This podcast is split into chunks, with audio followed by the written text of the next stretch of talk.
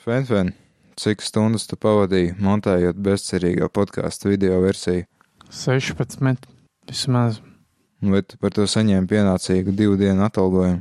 Nē, bet es zaudēju divas ļoti labas brīvdienas.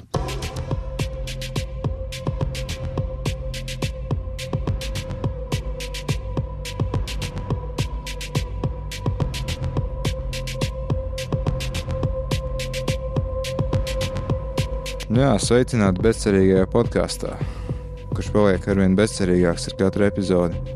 Jā, Šobrīd pulkstenis ir gandrīz seši, un es tikai puspiecos tiku vaļā no sava darba. Fantastiskā. Tā kā varat iedomāties, cik ļoti enerģijas pilni šodien esam. Tāpēc, kā parasti, varam sākt ar to, kas ir spēlēts. Uh, visam jau praktiski ir apskati. Ja kaut kam arī nav, nu, tad man liekas, tas, ko mēs šodien pateiksim, būs pietiekami, lai jūs veidotu savu viedokli. Tad pirmais sarakstā ir Street Fighter V Arcade Edition, ko spēlēju es, genocīdu. Tas nav mans īstais vārds. Tad Arcade Edition uh, ir versija Street Fighter V. Tā iznāk vienā laikā ar uh, lielu atjauninājumu spēlē, kas sākotnēji iznāca 2016. gadā. Proti, ir iekļauts beidzot, beidzot arcade režīms. Vispār grūti iedomāties, kā var nebūt arcade uh, kaušanās spēlē. Tas ir tikai, es nezinu, tas nav labi. Nu jā, tad beidzot, līdz ar arcade modu, es teiktu, ka Street Fighter V ir pilnvērtīga spēle, un uh, to beidzot ir vērts iegādāties. Praktiski visur zem 20 eiro. Ir tā, ka Arcade Edition uh, uz Playstation 4 iekļauja to pašu spēli pamatu uz diska.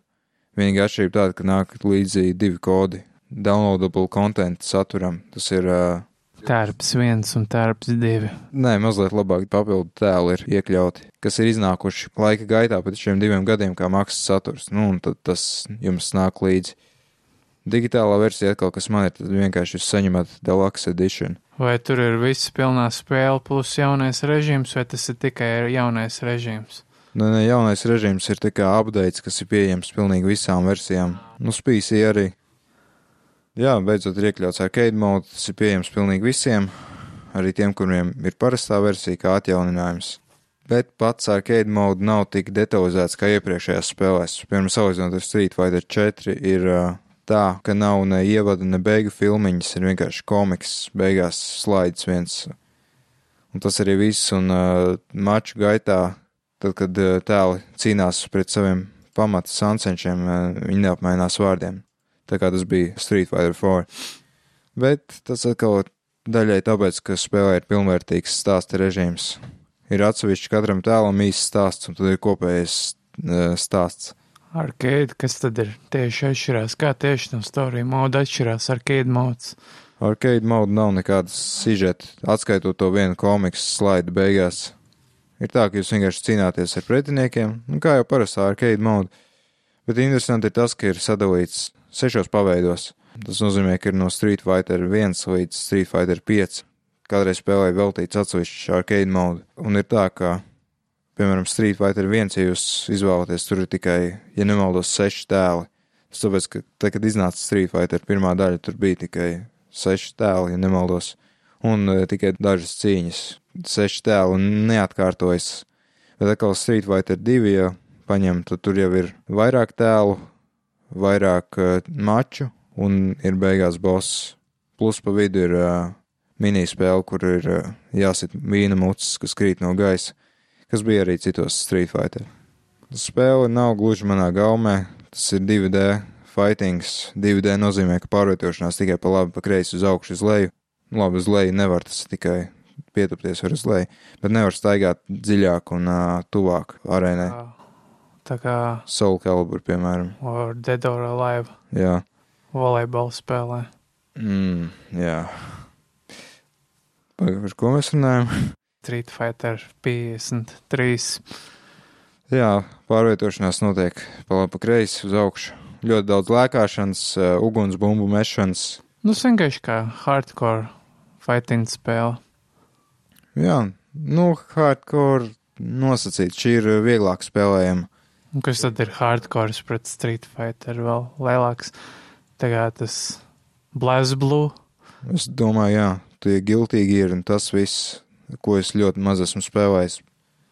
Lai gan Street Fighters ir diezgan tehnisks, ir, uh, ir kā jau kustības teorētiski ir vienkāršas, jums jātaisa ar īkšķi kreiso pusapļu kustības, bet, nu, man, piemēram, ļoti slikti tas sanāk, un tas man nepatīk 2D kaušanās spēlēs, ka tas pat vienkāršākās kustības ir grūti uztaisīt.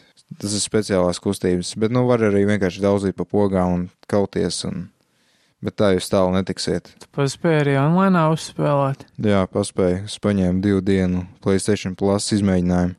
un tev bija quit, vai vairāk bija pretējā pusē quit?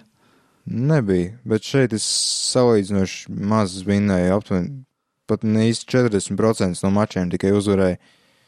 Bet tas, jā, kā jau teicu, nav manā gaumē. Un bija tā, ka es novēroju trīs veidu pretiniekus būtībā.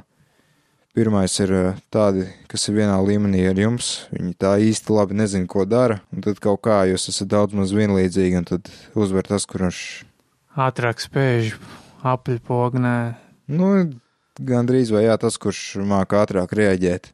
Un tad ir tādi, kas tiešām prot spēlēt, kas uh, prot izmantot attālumu, bloķēt, izpildīt uh, īpašos paņēmienus, kad piepildās stabiņi, un konsekventi māk uztaisīt hadukens, šorjukens un visas tās lietas. un vai tu ievēroji kaut kādu tur disbalansu starp konkrēti varoņiem? Nē, bet es ievēroju, ka ļoti daudz izvēlas Kenu, jo viņi ir vieglāk spēlēt, un arī pats to novēroju. Tas eh, Kens jau ir bijis Street Fighter no pašiem pirmsākumiem. Kā galvenais kā draugs Sansens Riju tēlam. Un jā, es spēlēju ar Vega un ar Laura, kas Laura ir viens no, vai Laura, viņa kaut kāda brazīlieta ir. Raura, raura. Jā, nu katrā ziņā viņa viens no jaunajiem tēliem Street Fighter 5 un man diezgan labi patīk. Jā, trešais pretinieku veids ir Sansenš. Vienkārši boti, kurus pamo vienu pogu. Patiesībā izvēloties īsto tēlu, tādu iesācēju, kā es, piemēram, man grūti aizsargāties. Viņš visu laiku sita zemo sitienu ātri pa kājām. Pat sanāca zaudēt, kaut arī īstenībā otrā pusē viens vienkārši uzlicis uz turbo režīmu, lai spiež uh, X pogu. Tas ir kaut kāda iemesla dēļ, bet tas vienkārši prikolam. Man liekas, viņš kaut ko trofeju grib dabūt, ka online maču vienkārši atstāja fonā, tā kā tu šobrīd atstāji īvu online fonā, lai strādā. Kaut kāda nūbi jau, protams, gadīsies pa ceļam, un tad uh, viņš izdosies uzvarēt un uh, rangas augs un tam līdzīgi. Un jāsaka, Street Fighterā, es nebiju domājis, bet Street Fighterā ļoti arī seksualizētas tas sievietes ir, kas tur ir cīnītājs. Bet nu tādā komiskā veidā vienkārši tas proporcijas pilnīgi absurdas.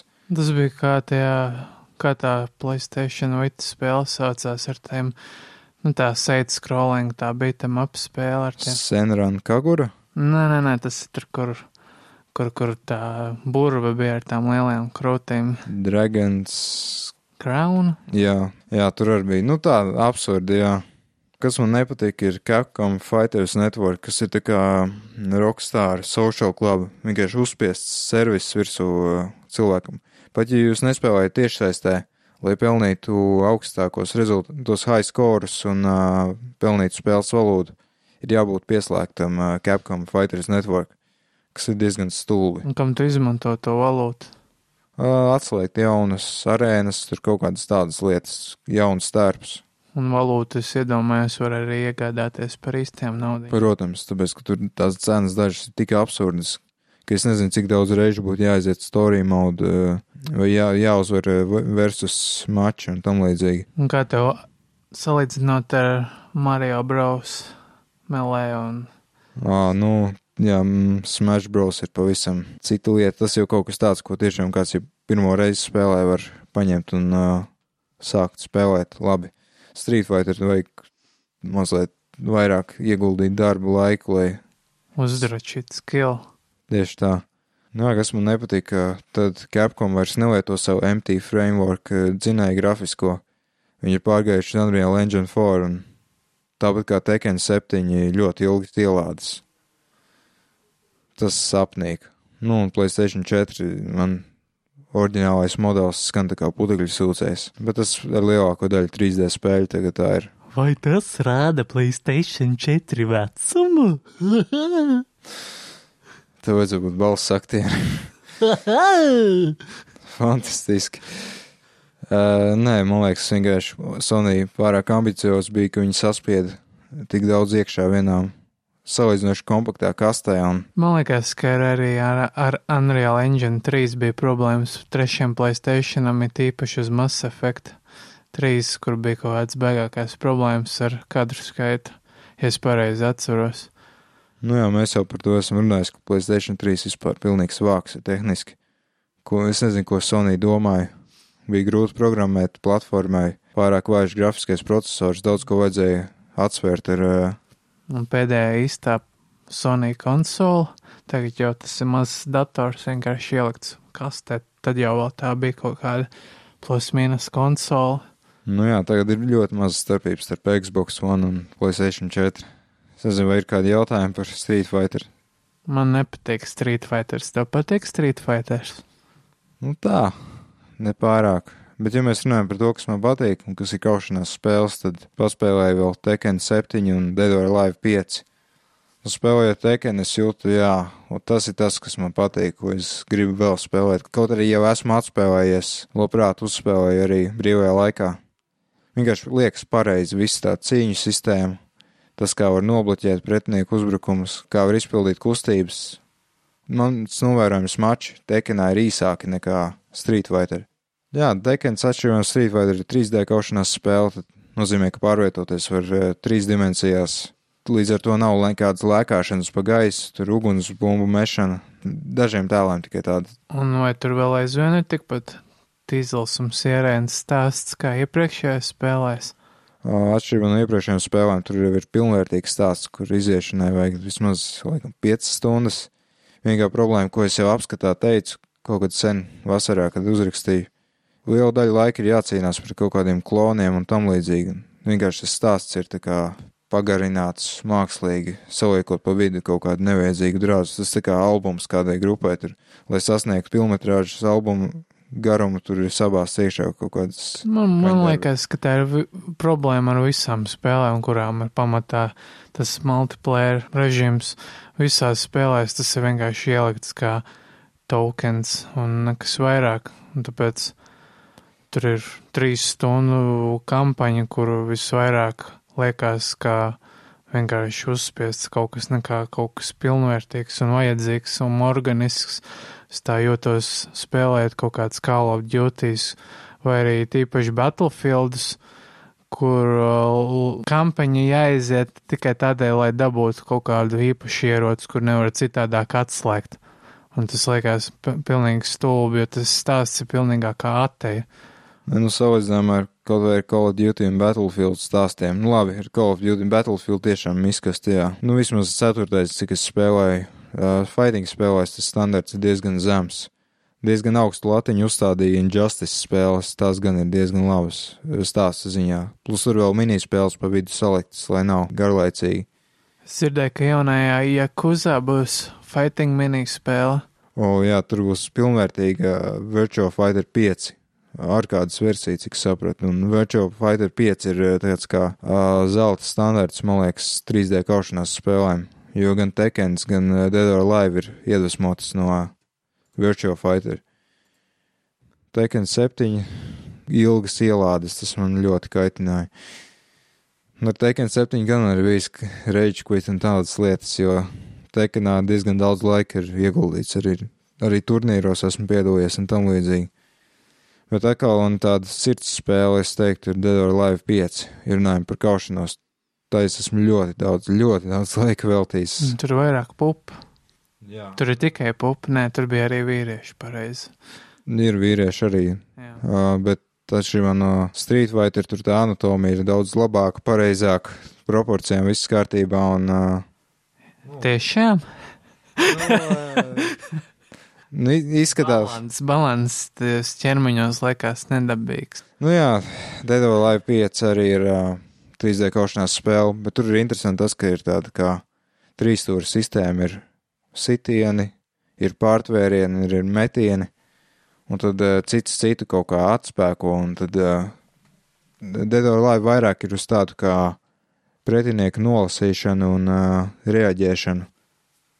Team Ninja, ja nemaldos, izstrādā tie paši, kas Ninja Gaiden. Tur ir ļoti daudz kopīgi ar Ninja Gaiden. Un tur ir tā, ka praktiski jebkuru uzbrukumu, ja jūs nolasāt pretinieku, jūs varat vienkārši satvert viņa sitienu vai spērienu un viņu nogāzt gar zemi, kas ir ļoti interesanti, manuprāt. Atšķirībā no vienkārši trūles bloķēšanas. Ir tik daudz kustību kombināciju katra cīnītāja sarakstā, ka praktiski jebkuras pogu spiežot var uztaisīt kaut kādu iespaidīgu kombo. Es kaut arī ilgi nebiju spēlējis, es paņēmu, piemēram, Helēnu, Helēnu vai kā viņu sauc, un ļoti ātri jau pēc muskuļu atmiņas uztaisīja deviņu sitienu kombo, piemēram. Un, protams, jā, tur ir ļoti liels tas uh, uzsvers uz uh, sieviešu seksualitāti. Es spēlēju PlayStation 4 versiju Last Round, kur ir katram tēlam aptuveni 30 kostīmu uz diska virsū. Lielāko daļu var atslēgt vienkārši spēlējot uh, vienspēlētāju režīmus un cīnoties online. Es atkal uzspēlēju, un es nebiju aizmirsis pamatus diezgan labi sanāk. Tā ir tāda spēle, ko var baudīt klausoties fonā podkāstu, un jā, tāpat kā Īva online. Jā. Ko var baudīt arī tad, kad ieraksta podkāstu, ne tikai klausās. Es nezinu, ir kādi jautājumi par Dead or Alive 5. Nu, pagaidi, Dead or Alive 5, kad iznāca oriģināli? 2012. ja nemaldos gadā. Nu, tur man nav īpaši jautājumi, jo es šo spēlē arī esmu diezgan daudz spēlējis. Gan uz Playstation 4, bet, nu. Uz Vītas? Jā. Jā, tas man arī ir uz Vita. Man ir gan uz Playstation 3, gan uz Vita, gan digitāli, diemžēl, gan uz Playstation 4. Bet ar, pēc tam, kad iznāca spēle vēlāk, viņi pievienoja tur visu kaut kādus papildu gameplay elementus, tos uh, power blow un. Krūšu fizika. Krūšu fizika, jā, es zinu, ka Vītu versijā tur kaut kas bija, ka varēja kratīt konsoli un tad kratījās pupi kaut kas tāds. Nice! Un tur vēl vēl sviedri, un tas viss parādījās arī, ka tek. Un... Nice! Nu, var redzēt, bišķi vēnas, kā izspiež tur no tā silikona, kas tur ir. Vai varbūt tas man tikai tā rādījās. Bet, nu jā, tā listās pēc lēlēm. Liels pluss tāds, ka tas dzinējs ir ļoti vecs. Uz Playstation 3 tā kā tam pēc tās specifikācijas radīts. Un ielādes ir vienkārši neticami ātras. Divas sekundes ielādēt nākamo maču. 3DS versija arī ir tā paša ziņa, vai tur ir kaut kāds mm. speciāls? Nu, es domāju, ka tur ir kaut kāds vienkāršots, jo tā versija iznāca pirms piektās Dead or Alive. Jā. Soul Calibur, tur ir tas pats, nu, pa, pašas iespējas neatceros, kā bija, bet vai tur bija tas pats, kas bija Soul Caliburā tā problēma, ka izdarot sitienu vienlaicīgi, tad jūs viens pret otru tā kā atduraties un tā bezgalīgi. Uh, tas ļoti reti notiek, bet to, ja nemaldos, jā, abi divi uztais Counter-Strike vienlaikus, kas ir termins tajā spēlē, vai es kaut kāds, es neatceros, ka stāna tēka kaut kas, ka jūs iesitat un uh, pretinieks apduls, tā kā viņš uz brīdi neko nevar izdarīt. Un varbūt tā, ka abi divi vienlaikus iesit to pašu uzbrukumu, un jā, tā gadās reizēm. Es cik atceros, Soul Calibur, tas bija vismaz 30% no mača, bija, ka jūs vienkārši viens pret otru vienu un to pašu sitienu izdarat un vienkārši atduraties bezgalīgi. Jā, Soul Calibur ir arī interesanta spēle, ļoti labi. Tieši otrā daļa es atceros, trešā daudz spēlēta. Tur atkal arī 3D fightings, bet tur ir interesanti tas, ka ir vertikālie un ir horizontālie sitieni, un tur ir pārsvarā ar ieročiem pavisam citādāk domāšana. Nu, tas, tā kā ka... killer instinktā, tur jau, man liekas, arī bija ieroči, vai ne? Killer instinkt es ļoti maz esmu spēlējis. Bet eh, ļoti izteikts tas, ka Saul Galbur, ka no arēnām var izmest ārā pretinieku, vienkārši tur bezdibenī. Dead or Alive atkal ir tā, ka arēnās ir eh, vis kaut kādas sienas, ko var izsist ārā. Nu jā, tur bija tie, nu, tā kā stage. Man tas patika. Jā, tur mainījās visu laiku dinamiski, tāpat kā Injustice arī mainījās tas, Jā. tas stage. Atkarīgs, ko tu izdarīji, vai iemet Batmanu tur kaut kādā šahtā vai kaut kur nomet, tad tur mainās, un tas ir interesanti. Jā, Dedo Live arī tas pats ir, tas tagad sauc par uh, power zonām. Uh, īstenībā Street Fighter 5 arī ir kaut kas tāds, bet tikai, tikai vizuāls. Tur tiešām, ja jūs noņemt fonu nost, visas uh, arēnas pilnīgi identiskas. Kas atkal ir liela priekšrocība 3D fighteriem, ka ir lielāka miedarbība ar arēnu un tas viss. Nākamais mūsu sarakstā ir Dead Rising 4. Atkal. Jā. Jo es beidzot to izgāju pēc ilgiem laikiem, es saņēmos, bet tikai tādēļ, ka man kaut kā mistiskā kārtā nebija ko darīt. Un tad es vienkārši biņš režīmā izgāju to spēli. Mans viedoklis ir tāds, ka sākumā ir jautri, bet pēc tam tas aiziet jau, jau tā kā ļoti garlaicīgi. Ir īpaši pavisam pašā galā, jo tur pilnīgi nekas cits nenotiek. Tu vienkārši slepko zombijas tonām un tonām, un pretinieki ir nenormāli viegli. Nu, pat bossi tā saucamie ir ļoti viegli nogalinām, un tur praktiski nekas gameplayā nemainās pat līdz pašam galam. Nu, nu, man liekas, ka tas seksotērps diezgan daudz ietekmē, ka tad ir vēl vieglāk novākt visas. Jā, bet tas eksotērps tik ātri salūst. Bet man patīk, ka bija tās misijas, kurās tie eksotēri bija neiznīcināti. Tur bija bezgalīgi slepkavot, tur uztaisīja kombo ar tūkstošu zombijām. Man tas, tā, nu, tas, tas ir satisfying, bet tā kā vienkārši tur braukt ar džipu cauri zombiju hordām, tas jau paliek gal galā garlaicīgi. Kā tev nebija problēmas ar tā saucamiem fresh zombijiem? Man viņi visu laiku kaitināja, ka viņi to visu vieglo pretinieku barā iemaldījās. Man bija tāda lieta, ka es visu laiku, tā kā es uzskačēju to savu inventoriju izmēru, un man visu laiku bija tie lāzeri ieroči, es viņus tā kā hordoju, man bija ļoti vienkārši viņus visus vienmēr, jebkurā gadījumā, visus iznīcināt. Tāpēc man bija kaut kādi trīs vai četri tie lāzeri ieroči, mēs visus pretinieks ar viņu, ar viņu zapoju, man nebija nekāds problēmas neko nogalināt. Vai tu uzspēlēji arī bonus režīmus, tu Frank Rising, piemēram? Kā beigās nomira Franks Vests, es sapratu, ka, oi, bet, nu, es sapratu, ka man vairs negribētu šo spēli vairāk spēlēt. Jā, bet vai viņš tiešām nomira? Nu, tas ir cits jautājums, bet, nu, tas tā. Nu, varbūt viņš Dead Racing 6 atgriezīsies kā fresh zombo. Jā, bet tas stāsts likās tāds, es nezinu, tāds meh. Man patīk humors. Nē, humor, humors bija labs, man patīk tie one-lineri no Franka West bija diezgan atjautīgi un diezgan labās vietās ielikt iekšā, bet tas vispār, nu, tas kopā nelikās tā, nu, man atstāja tādu, tā kā tu aizēji uz restorānu, pāri pa 50 eiro, bet tu nejūties, ka tu būtu, nu, tu būtu paēdis pa 50 eiro. Labāk te būtu uz McDonald's aizgājis. Mm, Tā man tikai ar ieeja spēlēm ir tāda sajūta. Nu, es sen neesmu izspēlējis neko, lai gan kopumā man patika, bet kopumā, nu, kopumā, kopumā, kopumā, kopumā, kopumā bija meh. Bet ir kādas vietas, kas tev palika atmiņā īpaši, vai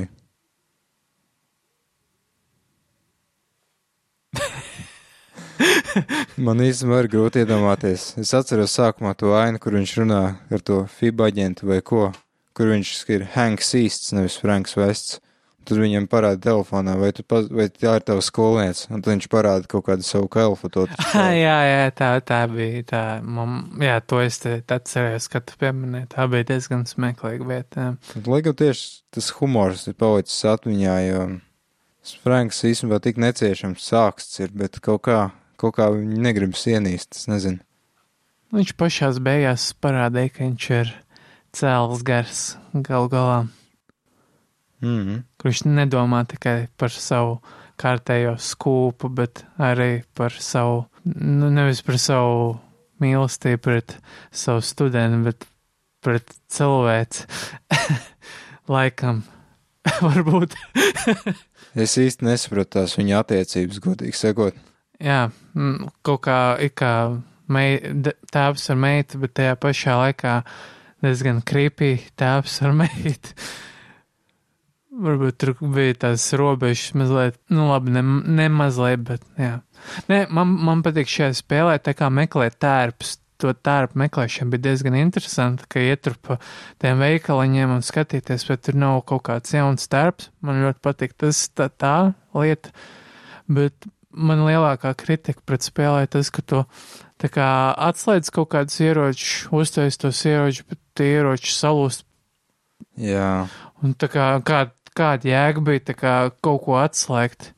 Tikpat labi es varēju tur atrast uz ielas to hammeru un, un, un to bagiju un uztaisīt to trako, Nu, bagi, tas ir daudz jautrāk nekā salikt tur superduper kaut kādu tur gaismas zobenu, kas tur uh, bija atslēdzams, pabeidzot tos optional side misiju.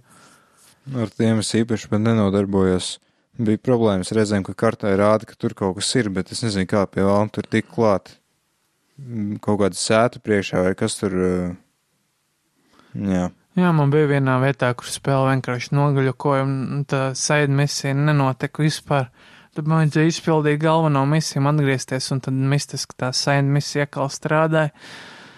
Bet tā, jā, bija spēlējama spēle. Šī bija man pirmā Dead Racing spēle vispār. Es nekad nebiju spēlējis iepriekšējo. Es, es pieņemu, ka iepriekšējās bija aptuveni šādas, ne? Jā, tikai trešā bija izņēmums, ka tur pavisam tas uh, noskaņa mainījās uz kaut kādu postapokaliptisko, zombiju, viss brūnā krāsām un, jā. Bet tur, tur bija tas humors, tak ne? Es neesmu spēlējis. Es maz neatminos, ka būtu tikai video skatījies, bet trešajā man šķiet, ka jā, viņi kaut kā arī to humoru uh, samazināja. Bet es savā ziņā piekrītu Jacei no Zero Punctuation, ka šī spēle nebija ne slikta, ne laba. Tā vienkārši bija end of story. Nu, tā kā kaut kāda Hollywoods komēdija, tu noskaties, nu jā, Ir kaut kāda plāna par sastodaļu, vai nav nekas vēl zināms? uh, vēl jau piektā jāizlaiž. Ā, šī bija ceturtā pareizajā. Jā. Piektā, nu par piekto, sorry. Nav nejausmas. Nav nejausmas. Bet, ja mums iedos apskatu kopiju, tad es tāpat spēlēšu. Jā. Kā jau genocīds, jā. Ko darīt? Vienīgā motivācija. Spriežot pēc visiem cipariem, lasījumu skaita un atsaucības, ļoti grūti motivēt sevi kaut ko darīt, man šķiet. Tev tur vispār, man liekas, tas apskats viens palika bez komentāriem. A, tas ir normāli. Nav jau vienkārši ko teikt cilvēkiem. Bet Cool game, bro! labais. Es noteikti iemēģināšu, te, kad es nopirkšu Playstation Vita. Nē, Playstation V. Nē, V. Uh, runāju par lietām, kam man nedēva apskatu kopiju. Kad es izmantoju savu Playstation Plus divu dienu abonementu, tad es leju pielādēju spēli Psychopaths Mandatory Happiness. Tu paspēji pa divām dienām iziet uz spēli. Nē, es iesāku Playstation 4, un tad es vienkārši um, dabūju Vita versiju. Kādā veidā? Es nestāstīšu, kā man uh, mazs rūķītis atnesa. Nu, kaut kas tāds. Bet, nu, Psychopaths Mandatory Happiness ir vizuālais romāns, tas, ko sauc angliski par visual novel. Tā ir anime seriāla iedvesmota spēle, tajā pašā pasaulē, daļai ar tiem pašiem tēliem, bet, eh, manuprāt, netik laba lietu parādīšanā, jo ir cita noskaņa. Tā anime brutalitāte, ciniskums, vēl kaut kas, tas īsti to nejūtu spēlē. Arī man šķiet, ka spēle, varbūt tā ir manas iztēles vaina, bet neradīja prātā tik skaidru to priekšstatu par uh, nākotnes Japānu 2100. gadu. Ir tā, ka ir jauni galvenie varoņi spēlē, ir trīs tēli kopumā, viens no tiem kā galvenais ļaundaris. Uh, viens no tēliem ir sieviete, kas ir zaudējusi atmiņu, kur jocīgā kārtā nejūt emocijas, bet viņa nav, nevarētu nosaukt par psihopāti. Viņa vienkārši nesaprot cilvēku emocijas, bet viņa ir ļoti inteliģenta, viņa kaut kā mēģina racionāli tam visam pieiet. Nu, tad otrs tēls ir vīrietis, kurš ir tā, ka saigopās pasaulē cilvēku veselība tiek noteikta garīgā pēc viņa nokrāsas, ko parāda viņu rokas pulkstenis, kā kaut kāda rokas sprādze vai Nu Jā, tāds Orwell univers, jo bēdīgāks tu esi, jo tev tas koeficients nokrīt zemāks, un tad tie cilvēki, enforceri un inspektori no policijas, atkarīgs cik tu esi sarkans, tik, nu, viņi var pielietot vai nu letālu vai arī neletālu spēku no tiem ieročiem, es aizmirsu, kā tos sauc. Uh, es arī kaut kā to pistoli sauc uh, Dominator. Jā. Jā, dominators, un tam dominatoram ir divi nu, režīmi, letālais un neletālais. Īstenībā ir vēl trešais režīms, kas ir pret uh, ne cilvēku būtnēm, kam nevar nolasīt Hugh. Nu jā, un tā, tā, tā pistola pati izvēlās to režīmu atkarīgs no tā, kāds ir tam cilvēkam tas tā. noziedzības koeficients, jo lielāks skaitlis, jo sliktāk. Tā, kā. Jā, teiksim, un tad tā ierīce kaut kā nolasa tavu garīgo stāvokli. Jā, un sistēma, kas to visu mēra, ir totalitārs režīms, varētu teikt. Bet tāds, kur visi it kā ir laimīgi, tāpēc, ka, ja viņa nokrāsa ir laba, skaidra, dzidra, tas nozīmē, ka viņi ir laimīgi. Vismaz tā vajadzētu domāt cilvēkiem ticēt. Bet jā, ir tā sistēma, kas uh, regulāri pārbauda cilvēkus, viņu nokrāsu un uh, tad attiecīgi tā sistēma pilnīgi izvēlas cilvēkiem viņu uh, nodarbošanās, viņu nodarbošanās, viņu dzīves biedru, tam līdzīgas lietas. Galvenie varoņi viņi strādā tajā PSB, Public Safety Bureau. Bureau. Bureau. Katrā ziņā publiskās drošības aģentūrā. Biroja. Aģ aģentūra es vairāk federālas izmeklēšanas, nē, birojā tas ir, jā, birojā. Tā neatšķir tik labi tos legālos terminus. Nu jā, bet tu tur vari strādāt tikai tad, ja tev ir pietiekoši gaiša tā nokrāsa. Ja tev nokrīt tā nokrāsa, tad tu neesi vairs inspektors, bet tu kļūsi par to kārtībnieku, jeb enforcer, Vai izpildītājs, tā kā tulkojums tāds tiešāks. Nu jā, un tas ir arī iespējams, jo spēlē ir tas vizuālais romāns, līdz ar to jūs izvēlaties, ko jūs atbildēsiet, kā reaģēsiet situācijās, un tad attiecībā no tā, kāds ir jūsu izvēles, jūs nokļūstat pie kāda no 14 īstajiem nobeigumiem. Jā, es nezinu, kurš ir īstāks par ko, bet, nu, radās iespējas tāds, slēdzot vaļā nobeigums citu pēc citu, ka daži ir labāki par citiem un pareizāki. Nu, katrā ziņā, atkarībā no tā, kāds izvēles jūs veicat, tādu jūs nobeigumu sasniedzat. Ir tā, ka būtībā jebkurš nobeigums, ko jūs sasniedzat, tā sasniegšanas gaitā, jūs izmeklējat trīs lietas, un tas nemainās atkarībā no tā, kā jūs ko atbildējāt. Tas tā kā teltēls spēlēs praktiski, lai arī ko tu darītu, gal galā notiek viena un vienīga lieta. Jā, tur kaut kādas nianses varbūt atšķiras, bet noteikti tas pats. Bet man ir interesanti, to arī savā ziņā animē seriāls apskata ir tēmas, kas būtu, piemēram, atbildības atdošana sistēmai. Tas, ka cilvēkiem tā sistēma, kas tā kā analizē viņu nokrāsu un izvēlas viņu nodarbošanās, tā arī nodrošina viņiem ēdienu caur īpašiem aparātiem mājās, tad nomaina hologrammu atkarībā pēc e, gara stāvokļa un tam līdzīgi. Jā, bet pēc idejas viņu izdzīvo melnos, neizteiksmīgos kubos, kuriem vienkārši atkarībā no tavas izvēles nomainās. Nu, jā, īstenībā visu pasauli tajā laikā ir daudz maz iznīcināta, bet Japānā viņiem ir tas, tas tehniskās uh, dotības visādas, kā padarīt dzīvi labāku, vismaz to ilūziju, ka viņi ka ir laimīgi cilvēki, un tā arī viena no tēmām ir laime. Nu, un šeit uh, vairāk ir, negribas neko spoilot, bet uh, Visi mirst. tiek apskatīts mākslīgais intelekts, kā arī tas daļai, tas, ka, vai mākslīgais intelekts ir spējīgs uh, saprast cilvēkus un tādas lietas. Bet, nu, tā, to visu jūs varat arī tikpat labi izlasīt kādu gudru grāmatu vai noskatīties kādu filmu vai seriālu. Vispār man liekas, ka šī spēle ir diezgan viduvēja. Problēma tāda, ka atslēdzot visus tos nobeigumus, tie nav īpaši izteiksmīgi, tie nav sevišķi interesanti. Pats sižets nav sevišķi interesants. Izstrādāta iepriekšējā spēle ir Steins Gate, piemēram, kas, manuprāt, man likās ļoti laba spēle. Ir apskats arī straika un tam līdzīgi. Šai nebija tāds atmiņā paliekošs šīs sižets tēli man tik ļoti nerūpēja. Nu, un visi tie nobeigumi. Spēles rāda tā paša dzinējus, kur iepriekšējā ir tāda gudrā teksta izlaišanas funkcija, jo ir ļoti daudz teksta, vienkārši viss sastāv no lasīšanas. Jūs varat nospiest pogu un spēle automātiski izlaiž to tekstu, ko esat izlasījuši. Bet, ja jūs, piemēram, izvēlaties citu izvēli, kur patiesībā situācija tāda pati mainījusies tikai daži vārdi, jums atkal ir jālasa tam visam cauri, un tas ir pilnīgs murgs tajā brīdī, kad jūs mēģināt spēli iziet uh, pilnībā, lai atslēgtu un redzētu visu. Viena iziešanas reize aptuveni 6-7 stundas pirmā. Un atkal jūs gribēsiet spēlēt ar otru tēlu, tad gan jūs sapratīsiet, ka situācijas ir tās pašas izmeklēšana, tās pašas lietas ir. Jūs tikai redzat no nedaudz citas perspektīvas to pašu stāstu.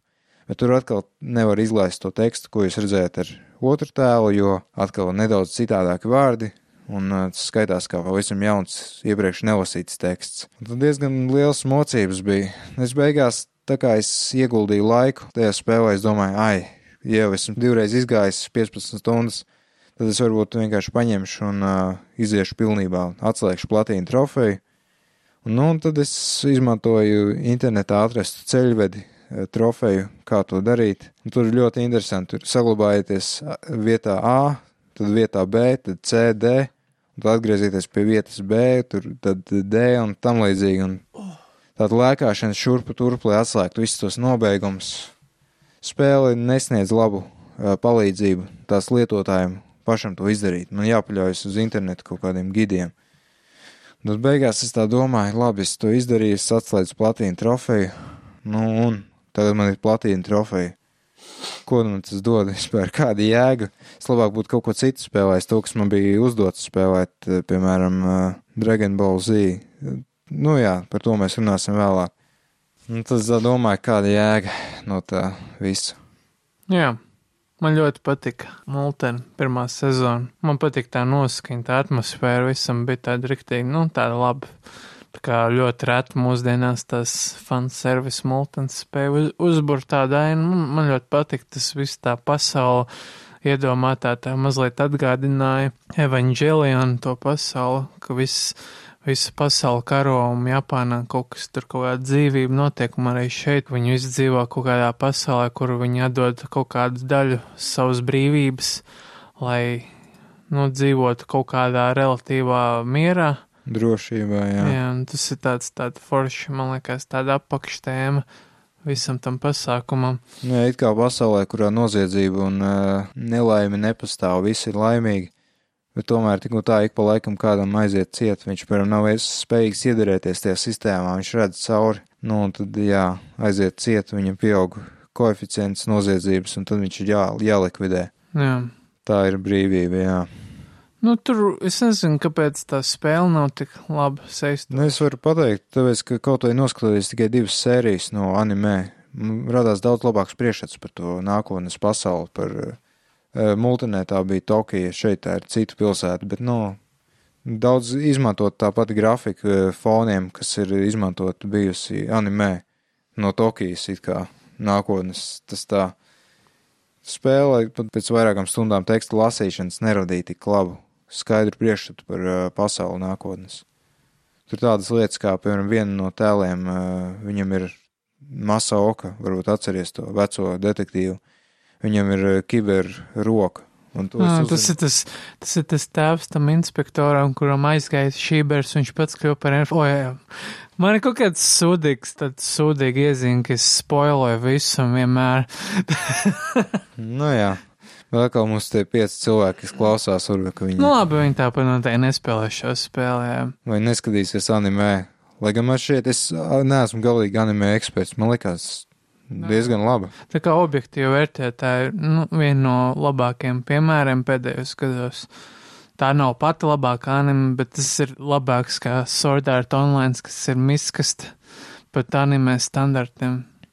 Šeit nav daudz, tur, man liekas, vispār nav fanservis, bet otrā sezona jau mazliet tā kā zaudē to apgriezienu, un man liekas, spēle arī tā kā, nu, nav tas vairāk, jo, jo tur mainās režisors.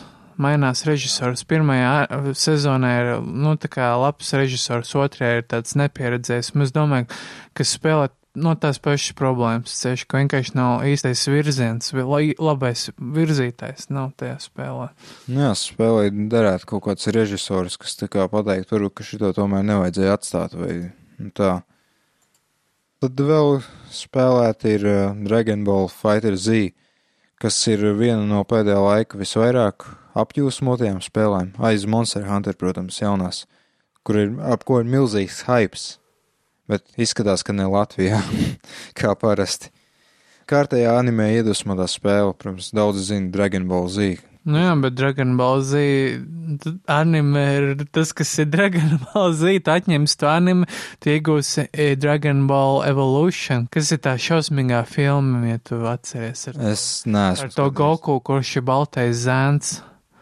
Es īsti ne, neizšķiru, kas ir Goku, Gotens un. Uh, Goku ir galvenais varonis. Nu, to, es, sav- nu, to es zinu, bet visas viņam tās versijas, tur ir dēli, tēvi, es vairs neko Nu, nesaprotu. tā kā visās animēs tur reizē tas konvalūtētais plots, tā kā Naruto un visur vienkārši tur šurum burum bezgalīgi kaut kādu fileri, un tad tev ir trīs, trīs paudzes jau tu atopies pēc 20 gadiem, tu esi restns nodzēries e, nūģis, kurš ir noskaties visas miljardus sērijas visām animēm, un tad tu esi vienkārši cīniski miskast, kurš e, spēj novērtēt tikai perfektu anime produktu, kas vispār neeksistē, nekad neeksistēs, un tu kļūsti par kaut kādu kritiķi YouTube un noliec visu un visus, un, un, un, un, un, un, un, un, un, un, un, un, un viss kračs pēc. Nu jā, katrā ziņā es neesmu galīgi Dragon Ball Z es bērnībā skatījos kaut ko. Nesmu piekritējis, īpaši neesmu iedziļinājies, bet, nu, pēc tā, ko es redzēju un ko es esmu, ko es zinu par Dragon Ball Z, tad uh, spēle izskatās ļoti tuvu oriģinālam seriālam. Visu cieņu Ark System Works, kas ir tie paši izstrādātāji, kas ir aiz Guilty Gear un uh, daudzām citām spēlēm. Ļoti tuvu animē izskatās grafika. Un brīnumainā kārtā spēle aizņem tikai 5 gigabaitus, uz pat mazāk nekā 5 gigabaitus cietā diska. Ātras ielādes ir, uh, prasības ir video karti ļoti mazas, ja jums ir GTX 650 Ti, ar to pilnīgi pietiek. Tu spēlēji uz datoriem, Jā, jā. uz GTX 650 Ti. Nē, man ir 970. Bet brīnumainā kārtā man processors trešās paudzes i5 atbilst minimālajām prasībām tai spēlē. Un te jau mans C5, kas ir no otrās paudzes, vispār nekam vairs neatbilst. Tad es, es kaut kā nesaprotu, varbūt tas ir kaut kāds Unreal Engine 4 joks, bet kāpēc vajadzīgs tāds processors ir? Kaut arī es Tekken 7 var spēlēt mierīgi uz i3. Jā, nu katrā ziņā man ļoti pārsteidz, cik maz spēle vietas aizņem un salīdzinoši ātrākas ielaides. Vai dialogu nav, vai tur nav video, vai uz kā rēķina tur tiek taupīts uz tekstūru izšķirt spēju, vai Jā, jo, ja tu zini Dragon Ball Z, tur animē stils, tas sev šeit ir, tur tekstūra praktiski vispār nav. Tur ir krāsotas malas, līdz ar to, jā, uz tekstūrām viņi ietaupa ļoti daudz.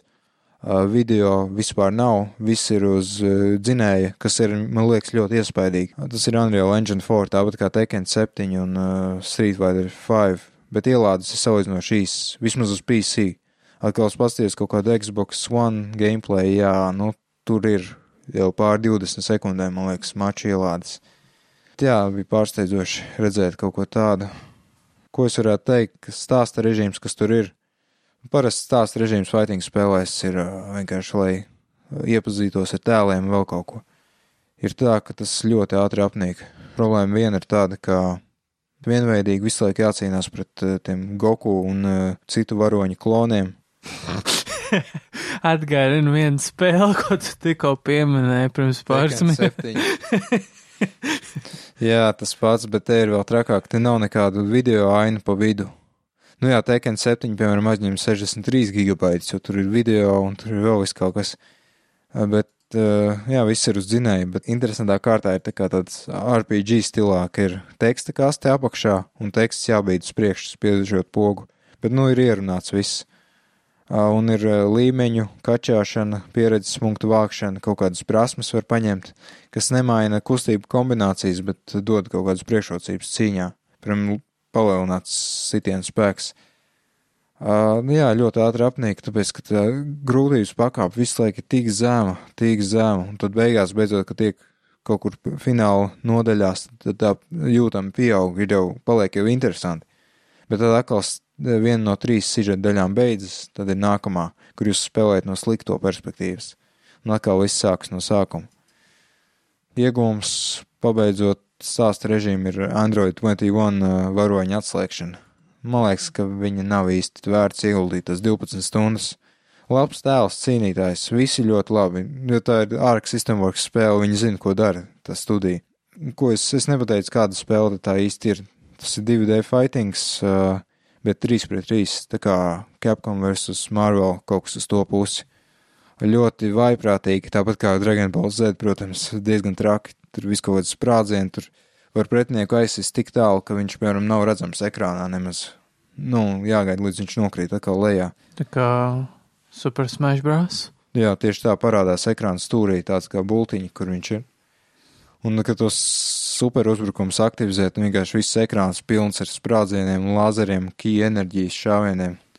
Man games pats mēģināja pārdot, ka šī spēle, ja es neesmu fighting spēļu fans, man noteikti patikt. Man liekas, tas ir bullshit. Teorētiski jā, tāpēc, ka ir pamata kombo, ir vājais, vidējais, stiprais sitiens, bet tas nav sadalīts pa kājām un rokām, tā kā Street Fighter. Būtībā jūs spiežat vienu pogu, tur kvadrātu vai tur x vai kas tas tāds ir jums uz pults, jūs varat izpildīt diezgan iespaidīgu uzbrukumu kombo.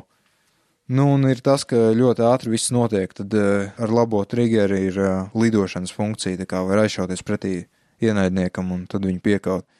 Diezgan ātri tāda, bet mači diezgan ilgi ir, jo 3 pret 3 tomēr nav sadalīti raundos. Gaš kā jums viena nositā, jums automātiski pārslēdzaties uz nākamo tēlu, vai arī jūs viņus varat mainīt, kā jums gribas, kā, kā lapatīgi. Un, bet bija tāds šoks, kad es domāju, es izgāju stāstu režīmu, es jau, nu, es esmu meistars. Labi, vienu raundu es kaut kā maču es uzvarēju diezgan pārliecinoši. Tad nākamajā man vienkārši izsmērēja tā kā lupot pa grīdu pretinieks, kurš it kā bija tikai vienu no trim mačiem uzvarējis. Tā ir spēle, ko ir tā kā viegli apgūt, tā kā pamatus saprast, kā viss notiek, bet atkal būt meistaram prasa ļoti daudz laika. Tāpat kā jebkura fighting spēle. Tā es uzskatu, ka šī ir uh, konkurētspējīga kaušanās spēle. Tikai tā atkal nav gluži manā gaumē. Man labāk patīk Virtual Fighter, Tekken, Dead or Alive.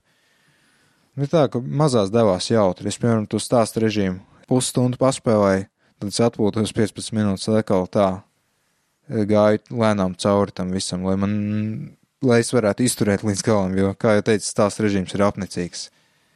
Par spēli iespaidu bojā savienojuma problēmas. Var redzēt, ka izstrādātāji ļoti centušies kā spēli virzītajā, konkurētspējīgajā turnīru virzienā. Arī viss sahaipots, kā jau teicu, mēdījos visur. Nemaz PlayStation 4 versija nevarēja dabūt apskatām, tikai PC bija palikusi. To visu bojā savienojuma problēmas. Varbūt tā ir problēma tikai man, Steam versijā ar Austrum Eiropas serveriem slēdzoties klāt. Ir tā, ka jūs spēli palaižat, jūs uzreiz automātiski tiekat ielikts tajā centrālajā teritorijā. Kur... Tu uzreiz dzirdi suka baļēt. Nē, vispār voice chata nav. Es nezinu, vai es. Tad kaut... ir uh, teksts čats suka baļēt. nu, nevar paspēt rakstīt tekstu, kamēr tu jākaujās tur. Uh, bet tur bija vis kaut kādi Sergeji un Andreji, tur skraidīja apkārt, un vis kaut kādi poļi ar Tomašu, un jā, ļoti daudz savienojumu problēmas palaidu, piemēram, ranga maču, man ir minūte jāgaida, līdz par kāds atrodas. Un tad es vēl minūti gaidu, līdz viņš beidzot apstiprinās to, ka viņš grib cīnīties. Vai arī es aizēju 64 cilvēku lobbyis, ir, es aizēju lobbyis, labi, tas nav pareizi, bet no angliski lobby. Es aizēju centrālajā daļā, sagatavojoties. Priekštelpa. Priekšfoje. es nostājos tur vidū, es gribu cīnīties.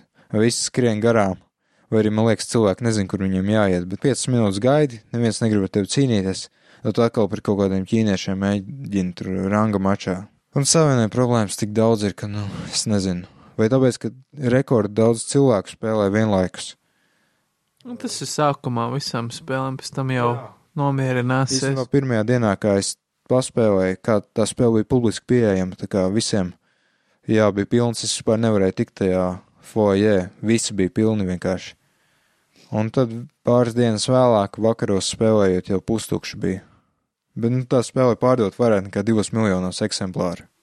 Jo viņi praktiski ir atpelnījuši savas izmaksas. Ne? Es domāju, ka jā. Es nezinu, cik tur visas tās licences maksā. Tur un uh, balss aktieri angļu, angļu valodā un japāņu laikam oriģinālajā no animē.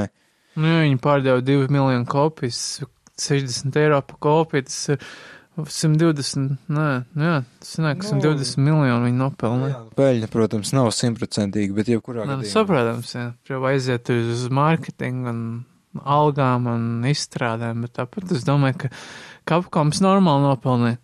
Uh, bandai Namko. Jā, šitā nam. Un... Jā, šitais nebija. Bet man liekas, diezgan forša spēle. Nav manā gaumē atkal. Spēlē ar Japāņu dubu, jā. Jā, un tam Goku ir tik smieklīgi. Jā, balsts. viņam ir bērnu balsts, tas ir ļoti smieklīgi. jā, kaut kā absurdi. Un izrādās, ka viņam ir kaut kāds dēls vai kas, un viņam ir normāla balss. Jā.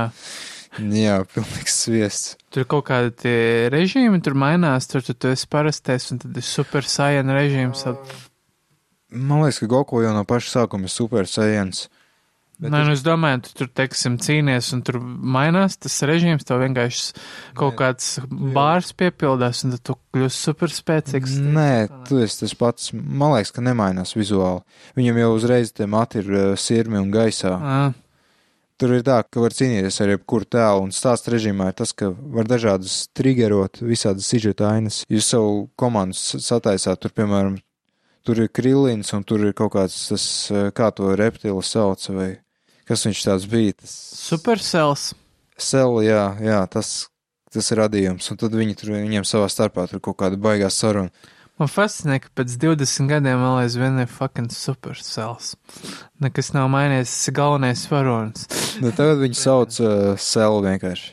Nu, Nu. Sels tas viņam tā pamatforma, to viņam Ā. ir tas 3 miljoni, tas uh, final forms. Tad, tad, tad es neredzēju supercell, bet tur bija tas, tas kas pēc spēlēkā ciklonētieši izstāsta, bet ar asti. Es nezinu, ka, aizmirst, kā viņi sauc, tas radījums. Tas pats Sels ir, ne? Bet, nu, katrā ziņā tas radījums arī, kuram baigi tā attieksme, tad es esmu labāks par tevi. Tev jā, jāklanās manā priekšā. Nu, Tur, man liekas, viss tas stāsts tajā animē ir tieši tāds, ka tur ir Goku uzvar vienu varonu, tad ir nākamais varonis, un tad ir vēl spēcīgāks nākamais mm. varonis, un visu laiku tā uz priekšu. Nu, jā, bet Goku ir tas pamuļķīts, viss pārējie ir atkal gudri, bet viņi ir kaut kādi deģenerāti. Nu, Nezinu. tā kā viss šonen animes, kur Naruto, Bleach, nu, One Piece. One Piece, visur tie galvenie varoņi tādi idiotiski kaut kādi. Nu, es nezinu, tas viņiem laikam ir tāds rūpnīcas, tas šablons, ko viņi izmanto, lai mm. presētu visu. Nu, jā, kaut kāda arhetīpa tur ir, protams. Tad es vēl spēlēju, es nepaspēju uzrakstīt, man nebija laika šodien. Dissidia Final Fantasy NT. Oh, yeah! Oh, tādas šausmas. Man kā Final Fantasy fanam, oh, iepriecina man ar labām ziņām.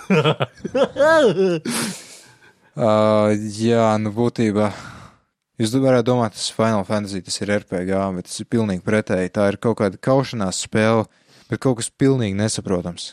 Es, kad man piedāvāja apskatīt, es redzēju, o, oh, Team Ninja, Tekmo Koi, Final Fantasy, vajadzēja būt superīgai kombinācijai. Nu, Tekmo fantastiski. koja jau par, par, parastais tas dynastijas spēle. Ne, Nu jā, bet atkal grafiskais dzinējs, man liekas, ir no Dynasty Warriors kaut kas tāds, kaut kāds tāds vecs, ļoti vecmodīgs. Bet tā cīņu sistēma vienkārši pilnīgs vāks. Es izgāju to, tos apmācības. Tas vairāk kā beat'em ups, vai tas ir slash, hack and slash, vai tas ir tieši fightings? Lieta tāda, tas būtībā ļoti tehnisks fightings, bet tas ir ielikts kaut kādā beat'em up formātā. Ir kaut kāda loko un kamera, kas pilnīgi nespēja izsekot tam pretiniekam, kuram jāuzbruk. Uh, ir bloķēšanas funkcija, bet nolasīt, kurā brīdī uzbruks pretinieks, ir praktiski nereāli. Uh, visai vadībai ir tāda milzīga aiztura. Ne, nu, laikam speciāli tā kā, tā kā tāda buferēta, tā kā var kaut kādas kombinācijas saspaidīt, bet tās kombinācijas nevienā brīdī netiek paskaidrotas. Es paņemu to Warrior of Light, tas ir no pirmā Final Fantasy. Tur ir visi tēli un uh, arēnas ir tā kā, tas tāds kā mashups ir uh, no visām Final Fantasy spēlēm salikts kopā. Jā, vienkārši spēle, kur es galīgi neiebraucu.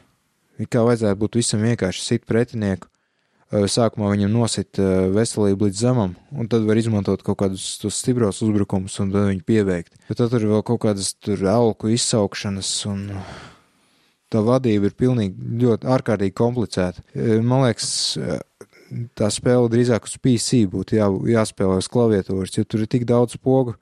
Tik daudz funkciju, kas tiek aktivizētas ar pogu kombinācijām. Piemēram, spiediet R1 kopā ar uh, trīs stūri, lai aktivizētu vienu no īpašiem uzbrukumiem. Un, uh, Tu, tu, tu, tu pieminēji tēlus, tie, tie serberi un viss tie te, jā? Tie. jā, jā, piemēram, viens no pirmajiem samaniem, ko es atslēdzu, bija tas Līvajetāns. Tālāk bija kaut kāds grieķu, ne kaut kāds mitoloģijas dievs. Demos, Eh, Ne, Odins bija. Odins, oh jā, tas bija tā kā Lightningā, bija tas zirgs tos. Jā, sauc jā, jā. Odins, Un Tas ir itī, ja jūs esat zināt, pazīstami ar Final Fantasy, tas Tā ir, kā es? tu, tu būsi ļoti lielā sajūsmā par mūziku. par. Bet tas būs noteikti vīlies par gameplay. Jā, tāpēc. Ja es kā es no fighting kaut ko saprotu, es pilnīgi neko nesaprotu tajā spēlē, es nevaru paspēlēt. Es nezinu, vienkārši es jau pat palūdzu, vai es nevarētu nerakstīt, lūdzu, apskatu, es vienkārši kaut kādu viedokļu rakstu vai ko uztaisīšu. Vienkārši neko nesaprotu. Es ne, nejūtos kvalificēts apskatīt spēli, bet man patīk mūzika, superīga Final Fantasy mūzika, remixēta visādi. Nu jā, parasti jau viņiem ir ļoti laba mūzika. Man liekas, t- tie divi kompoz...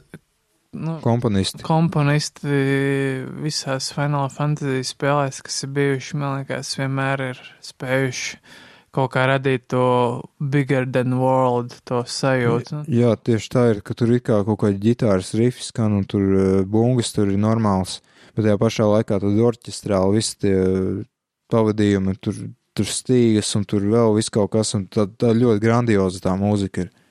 Bet uh, pašā laikā arī lipīga, manuprāt. Uh, interesanti tas, ka spēle ir portēta kā pa taisno no arkādēm Playstation 4, un līdz ar to tas arī izskaidro, kāpēc spēle tik draņķīgi pastāsta, kā tā ir jāspēlē, kas ir jādara. Ir tā, ka ir eh, režīmi, ir tiešsaistes un ir bezsaistes. eh, Tas ir 3 pret 3 cīņas būtībā mači. Ir tā, ka pirmos tur ir tāds gauntlet režīms. Pirmos divus mačus izēja tur uz A, plus, plus kaut kādu tur eh, novērtējumu. Tur trešajā, ceturtajā es tur uz D kaut kādu vienkārši zaudēju. Jo es nesaprotu, kas notiek īsti. Eh, Tā. Kā tur pārāk daudz uz ekrāna? Jā, tur viss kaut kādas tur ziņojumi no taviem mākslīgā intelekta padotajiem, tur viņi saka, es darīšu to, šito, kamēr tu pats mēģini koncentrēties par kameru, no pareizi, nu, tur ir tā, ka pieslēdzies vienam pretiniekam, viņš kaut ko dara vienu lietu, un tu mēģini viņu panākt tā kā un sist, vai tajā pašā laikā tev cita ārpus kameras kaut kāds cits uh, pretinieks, un, uh, pilnīgs vāks. Ka šī spēle ir bezjēdzīgi sarežģīta kas ir interesanti, stāsta režīms ir, bet tas nav tāds tipiskais stāsta režīms. Ir tā, lai tas stāstā progresētu, jums ir jāspēlē tie online, offline režīmi. Jūs savācat kaut kādu speciālu valūtu, mm, un ar to valūtu jūs varat atslēgt jaunus sižeta fragmentus un, uh, un īpašos kaut kādas cīņas. Jā, un būtībā tas ir baigi dīvaini. Tā vietā, lai būtu viens tāds sakarīgs stāsta režīms, ir kaut kas jocīgs. Es nezinu. Tas spēlē Jā, ļoti, man liekas, ļoti liels. Tas ir nišas produkts, tīrākais. Bet, uh, Pat nišē nepatīk tas produkts. metakritikā skaties 69. Ar ko saka cilvēki īsumā? Man tā kā skatīties labu. Es domāju, tos vidējos. vidējos. Viens klients saka, ka tas ir downgrades. Jā, šī, Salīdzinot ar iepriekšējo. šī nav pirmā disidija spēle. Uh, ir arī citas bijušas, bet es, diemžēl, neko neorientējos tajā vēsturē. Man pa lielam izskatās, ka jā, tas ir disappointments. Cilvēki nav apmierināti ar to, jo tur bija briesmīgs hypes tajā spēlē. Briesmīgs. Un beigās vienkārši tas ir tas, ko mums iedod kaut kāds, nezinu, kaut kas. pat- Es pat nezinu, kā to aprakstīt, jo gadiem cilvēki gaidīja, ka beidzot iznāks uz lielās konsoles tā disidies spēle. Iepriekš tikai uz Vita bija laikam un spēja. Tas bija tā kā vairāk kā kaut kāds demo, what to expect. Un cik, cik gadi jau ir pagājuši? Nu, nepārspēlējuši desmit gadi, laikam, ka- kad to spēli pirmo reizi izziņoja. Un, jā, gal galā kaut kāds pēkšņi vienkārši paļak. nu, jā, un cilvēki, saprotams, ir vienkārši vīlušies ar to produktu. Tas Jā. arī būtu vīlies, bet šī nebija spēle, ko es gaidīju. Spēle, ko es gaidīju, iznāca jau kādu laiku atpakaļ, un es tajā biju vīlies. Kur tā bija? Pēdējā Final Fantasy spēle lielā. Es biju gaidījis, ka būs tā kā mazliet sazarotāka spēle, bet nu labi, ok. Mēs dzīvojam Candy Crush ērā. Ja, ja spēle ir pārāk sarežģīta un tu dīpi, tad to spēli nevar pārdot. Un ja to spēli nevar pārdot, tad neviens tādu spēli nemaz netaisa. Tāpēc es nezinu, ko lai dara. Ka vairs nav tās sarežģītās multilayer spēles, kādas bija pirms gadiem 15. Nu, tad esam beiguši runāt par to, ko spēlējām, mēs varētu parunāt par to, kas jauns pasaulē, video spēļu pasaulē.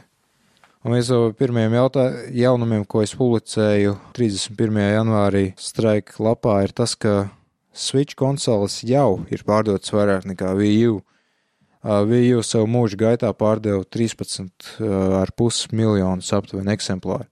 Jo tagad Switch uh, pēc desmit mēnešiem tirgu ir pārdotas jau uh, 14,86 miljonus eksemplāru. Tā kā tas ir. Tas ir apbrīnojami, jo Switch ir tikai vienu gadu rotācijā. Kamēr Wii U četros gados savāca savus 13. Jā, un Switcham nav tā, tā, tā biblioteka vēl nemaz nav tāda. Tā kā es abrīnoju, ka ir tāda cipara, jo kas ir Switch, tagad ir, manuprāt, divas spēles, kuras vērts vispār pieminēt. Tā ir Zelda un tas ir Mario Odyssey un viss. Un tas ir apbrīnojams, ka šīs divas spēles spēja tā kā piesaistīt tādu publiku. Tas ir reāli. Nu, tas pierāda tikai to, ka svarīgākais nav hardware, bet svarīgākais tomēr ir tas software. Jā, nu, manuprāt, Nintendo trāpīja neglai pa galvu ar tieši to portatīvo. Jo es esmu daudzas reizes spēlējis, piemēram, Mario Kart un uh, vēl visu kaut ko portatīvajā režīmā, tur kopā ar cilvēkiem citiem. Tas kaut kā viņiem ir izdevies jo mēs redzam spēles, kas ir pārdotas vislabāk. Pirmajā vietā, protams, ir Mario Odyssey 9 miljoni, bet otrajā vietā brīnumā kārtā ir Wii U ports uzlabots uh, Mario Kart 8 Deluxe, kas arī, man liekas, ir viena no manām vairāk spēlētajām Switch spēlēm. Bet nu, man personīgi ļoti garlaiko Mario Kartas. Esmu atspēlējies visas daļas, vairāk vai mazāk, izņemot pirmo. Bet interesanti tas, ka iepriekšējā podkāstā mēs, man liekas, kļūdaini teicu, ka pārdot 9 miljoni bija, kaut arī 10 jau bija, bet tas bija decembra sākumā dati. Tagad mēnesi vēlāk Switch ir pārdotas gandrīz par 50% vairāk. Tā ka var teikt, ka mēneša laikā ir tāds, ne, protams, tas nav pārsteigums, ka cilvēki Ziemassvētkos pērk eh, vairāk tas mans. Kaut arī man tikai zeķis uzdāvināja pārsvarā Ziemassvētkos. Mans mežs. Hugo Boss vismaz vai? Es nezinu, kāda firma. Dārgas, laikam, vai um, iepakojums vismaz ir a, ekstravagants. Cilvēki pērk dāvinu un 5 miljonu gandrīz vienā mēnesī. Tas man liekas, gan arī gribētu nopirkt Switch. Jā, jo man šķiet, ka šādi te skaitļi absolūti garantē, ka būs kaut kas arī no lielajiem izdevējiem, kas ļoti, ļoti baidās riskēt arī no viņiem mēs sagaidīsim kaut ko labu, ekskluzīvu. Nu, jā, ja jau pat visādi bedēstis un, un, un, un, un kas tur vēl nena, sola jau savas spēles, te jau es, nu, sagaidu labu nākotni šai konsolē. Jā, jo, diemžēl, trešās puses izdevēju datu pārdošanas mums nav, bet nu, es redzēju kaut kur, ka Skyrim pārdot 310 tūkstošos eksemplāru. Tas ir kopš novembra vidus uz Switch. Un ņemot vērā, ka Skyrimam šajā brīdī jau ir gan arī septiņi gadi, un tas jau ir pārpārdots miljards versijās, tas ir pat diezgan normāls rādītājs. Un tā versija, kas ir uz Switch, saprotu, ir uh, Special Edition, kas iznāca vēlāk. Bet, protams, uh, tur nav modu, un daudz kas, ko modi salaboja, tas, diemžēl, ir problēmas ir atstājusi, bet es nezinu, kāpēc viņi gribēja to Skyrim autentisku atstāt uz Switch. Viss kaut kādi gļuki, kas jau sen ir zināmi gadiem, tas netika izlabots Switch versijā. Vislielākie gļuki, laikam, ir tās mirgojošās tekstūras tālumā. Tas, tas laikam saistīts tieši ar to dzineru. Nu. Bet tas tā kā īsti netraucē spēlēt, atšķirībā no. Man reāli traucē. Es Jā. divas dienas meklēju, kā salabot un pārtraucu tikai tādēļ, ka es nevarēju salabot šo gļuku. Mm. Tas laikam ar man šizofrēniju saistīts. Šmiega! Nu, tur bija jā, tas, ka kaut kāda kvesti salūzuši un nevar progresēt, un ja kaut ko izdara ne tā. Switch. Cik šobrīd maksā Switch mūsdien, no Latvijā? 360 laikam, 350, 360, vienu brīdi BM laikam vai kas tirgoja super lēti, bet tagad viņi neskapēc nevar vairs tirgot tehniku. Laikam kaut kas ar reverso PVN saistīts, kaut ko viņi tur sliktu darīja, nerātnu. Tā ka nu, viņiem tagad tikai spēles var dabūt pa lēto.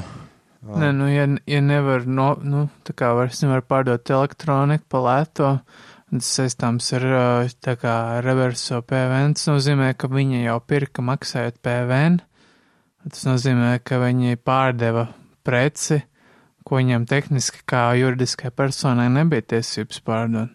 Uh, nē, nu, kaut kā ir ar to PVN. Tā kā pircējs it kā samaksā.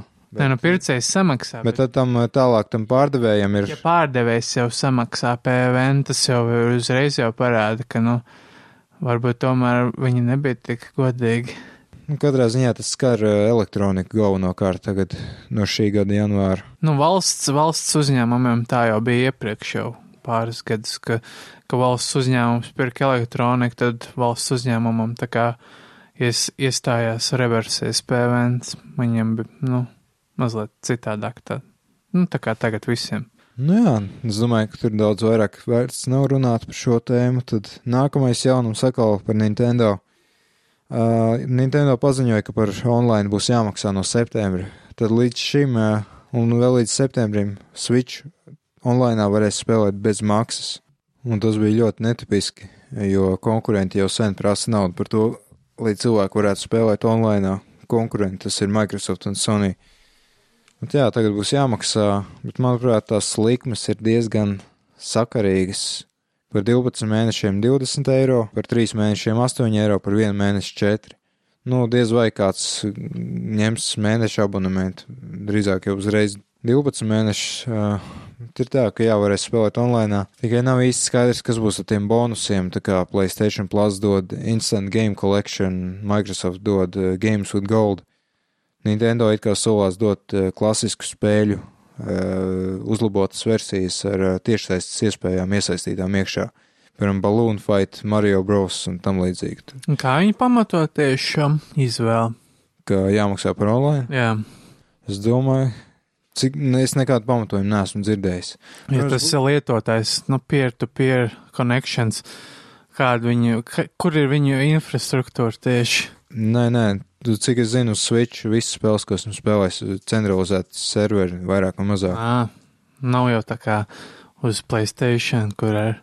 Nē, nu, protams, kaut kādas spēles ir peer-to-peer. Es nezinu, tur ieeja, varbūt kaut kā FIFA. Nu, ne, neorientējos tik labi.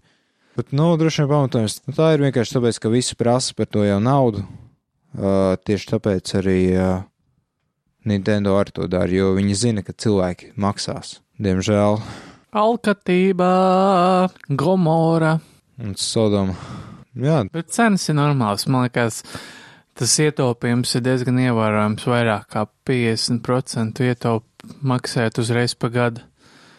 vēl mēs uzzinājām par online sistēmu to, es gan jaunums, jaunumos nepublicēju neko, bet tagad no marta varēs uh, tos zelta punktus, ko deva par, vir, par digitālo spēļu pirkšanu un tam līdzīgi par, uh, par to, ka jūs aktivizējāt tos kodus, kas nāca spēlēm arī fiziskiem, līdz jums deva zelta punktus.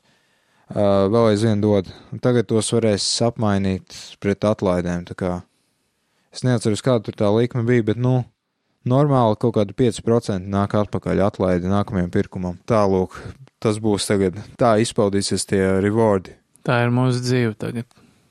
Jā, iepriekš rewardi bija, piemēram, varēja samainīt. Es to izdarīju arī.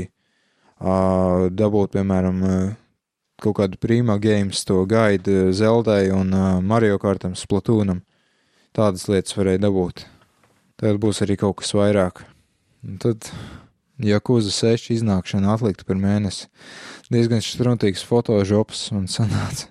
Nu jā, diemžēl spēle ir atlikta par mēnesi, bet bonus ir tāds, ka februāra beigās tiks izdota demo versija. Un tas, ko jūs izdarīsiet demo versijā, tas progress tiks arī pārcelts uz pilno spēli. Jūs varēsiet turpināt no iesāktā. Tad spēlē bija paredzēts iznākt ā, 20. martā, bet tagad tā būs 17. aprīlī. Nu, tā pievienojas bariņam citu spēļu, piemēram, Red Dead Redemption, Far Cry 5 un Nino Kunī, ko es personīgi ļoti gaidu. Es domāju, ka mēs varēsim arī apskatu kopiju dabūt kaut kādas divas nedēļas pirms relīzes, ja tev interesē. Eh, Bet tas tā, līdz tam vēl laiks, līdz martam jānodzīvo. Jā, man, man, man patīk, ja kuza nulle. Bet ko es vēl aizvien neesmu īpaši tālu ticis, bet man ļoti patīk tas, oh, Jā, kā tu redzi pēc video, daudz eh, interaktīvāka pasaule ir. Tas tāpēc, ka Jākuza 6 te lietos Unreal Engine 4 laikam. Kādā ziņā jauns grafiskais dzinējs, kas ļauj eh, daudz. izskatās vairs tik, tik tik, nu, robotīgi. Jā, tīzli, vien, vienvārds sakot. Jā, daudz lielākas eh, kustības iespējas, daudz eh, da, dabis, dabīgāk reaģē uz apkārtējo vidi. Mums var iedomāties, ka vai, daudz vairāk ko darīt pasaulē arī.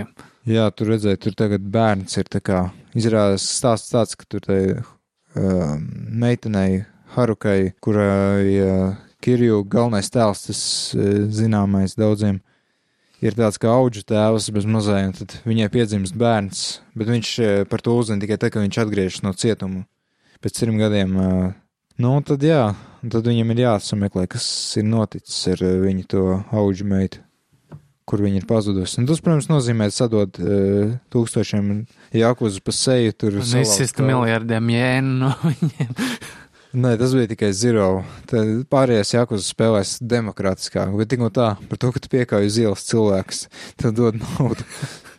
Nu, Nav jau melots. Latvijai gan tu santīms izsist, nav vidējā latvieša. Lai gan, nu, nezinu, tagad daudz tādiem telefoniem staigā apkārt, ka, nu, mazcenas paņēmuši. Jā, bet viņam tāpat laikā ir 15 inkaso konta izdruka parādās, vai jau Jā. ZTE ir, ZTE ir jau ir nobloķējis 5 reizes kontu, viņš nevar neko vairs izzemt, bet viņam toties ir iPhone X. Jā, Nice. kolēģis nesen nopirka, ne, pat nenopirka, viņš dabūja to Samsung A5 vai kas. Un tas nekas, ka alga ir kaut kāda 5, 600 mēnesī. Tas, A5 tas ir čīpau telefons, nē, nē, nē, 500 eiro maksā jauns. Viņš pats paņēma mazcenas. Nā. Mēs jau smējāmies, viņam naudas nav, tur mašīna riepas pārgrieza, bet viņš reku viņam tas 500 eiro telefons. Nu, Kā viņam mašīna varbūt ir tāda alga vispār, kā viņš vispār ielai degvielu tajā? Jā, viņam vecs sūds ir. Nē, nu man arī vecs sūds, bet man diezgan ievērojama naudas summa aiziet, lai iepildītu ēdienu tajā. Ā, viņam gāzes iekārta. Čīp. Tas ir jaunumiem visiem vai vēl kaut Nu, vēl kaut kas it kā ir, ko es nepateicu. Jaunākās baumas liecina, ka Bandai Namco Singapūras studija izstrādā Metroid Prime 4, kas nebūtu pirmā reize, kad ir outsourcojis Nintendo kaut kādu savu labi zināmu. Iepriekšējās spēles, iepriekšējā Metroid Prime jau arī bija. Nē, tas bija retro studijos. Nu jā, bet tā jau bija pēc idejas, jau nebija Nintendo. Uh, jā, bet uh, viņi kaut kā daļai piederēja Nintendo. Tas tā kā second party skaitās. Ne, Tad Nintendo arī Capcoms eh, nav kaut kādas akcijas gadījumā. ne kaut ko ir viņi taisījuši. Piemēram, F-Zero GX, ja atceries, tos taisīja Sega studija. AM2 laikam, kas atbildīgi par Virtual Fighter un citām arkādas spēlēm. Tad viņi taisīja arī F-Zero. Nu, es ceru, ka viņi tikai viņiem būs normāls quality controls un un kaut kāds bullshits, ko. Jo es ceru, jo šis nav tā kā Metroid Other M vai kaut kāds. Nu jā, tā ir galvenā, gal, tā ir reāli galvenā frančīze. jā. Cilvēki reāli vilcies, ja tas būs sūds. Zinot Japānu, tur kāds ir uz zem bez mazajiem pirkstiņiem paliks. Ja būs labs. Ja metakritikas nebūs virs 90, tad griezīs nost pirkstiņus. Nu, nu, es domāju, gan, ka, nu, Nintendo diezgan kritīsies, ja tas tā nebūs laba spēle. Mm. Un kas vēl bija tas pats cilvēks, kas bija kaut kādā savā uh, rezumē minējis, ka viņš strādā pie Metroid Prime 4. Viņš strādā arī pie uh, Ridge Racer 8, kas būs ekskluzīvi atkal Switch. Wow, Un kad tas pēdējo man- reizi iznāca kāds Ridge Uh, bija uz 3DS, tā kā 3D daļa, kas bija iOS uh, versija sports papildināts bez mikromaksājumiem. Tas bija 11. gadā, ja nemaldos, un iepriekš bija uh, 2006. gadā Ridge Racer 7. Ā, nē, pareizi bija vēl uz Vitas, tas vienkārši Ridge Racer sauc, kas ir, nu, pilnīgs sviests, kur uz kārtriģis ir trīs kartes, uh, trīs rases un trīs mašīnas, pārējais DLC pilnīgs absurds. Es nezinu, kur, kur galvu viņi domāja. Tas tā kā no jaunumiem būtu viss. Nu, protams, vēl viss kaut kas notika. Tur doktora Disrespect atgriezās pie strīmošanas. Pēc tam Tas tāds ir. viens no zināmākajiem Twitch streameriem. Pirmā reize par tādu dzirdu. Ā, viņš tāds ar uh, ūsām. Ā, un viņam tās dīvainās brilles. Jā, un viņš dzied to dziesmu, to Gillette, the best a man can get, tādā geiskā kaut kādā balsī. Nu jā, un katrā ziņā, cik viņi 388 tūkstoši skatījās, tā ka viņš atgriezās vienlaikus Twitchā. Un Džeiks Pauls arī atgriezās YouTube. Es tā dzirdēju, ka viņš kaut kādā, nu labi, es tikai dzirdēju, es ne, neskatos, man vienalga. Nē, ne Džeiks Pauls, bet viņa brālis. Paula Logan, nebija. Jā, Logans Pauls atgriezās. Kas tas vispār par vārdu? Logan Paul. Tik, tā kā divi. Nu, tā kā Raimons Pauls, tikai Logans Pauls. Nā, nu jā, tā kā Arnis un Kristaps, piemēram. Ja Kristaps būtu uzvārds. Labi, daudz nepie, daudz nezinās, par ko ir. inside joke. Man liekas, viņš pats nezināja, kurš ir viņa vārds. Man liekas, ka viņš vispār neko daudz nezināja. O, ja nu kāds no mūsu klausītājiem ir pats lojālākais arī ir viņš. Interesanti, ko viņa draudzene tagad dara. Viņa bija baigi smukā. O, o. Ā, mums ir četri jautājumi tagad. Kāds ir paspējis pēc pulkstens sešiem? Nē, nebūs četri, būs tikai trīs. Tātad, uh, Goodman 2576 šoreiz vaicā daži jautājumi.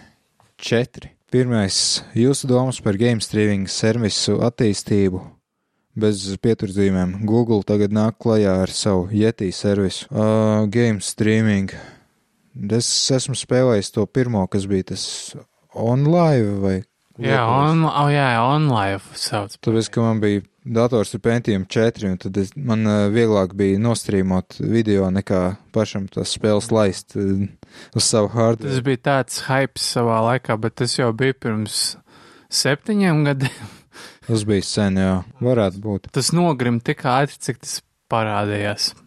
Bet man, piemēram, es nevaru paspēlēt tādu aizturu. Es, es nezinu, kā tagad ir, varbūt, ka tagad ir labāk. Bet visi tie GeForce uh, vai kāda tur tās strīmošanas tur. Es nezinu, tu esi lietojis?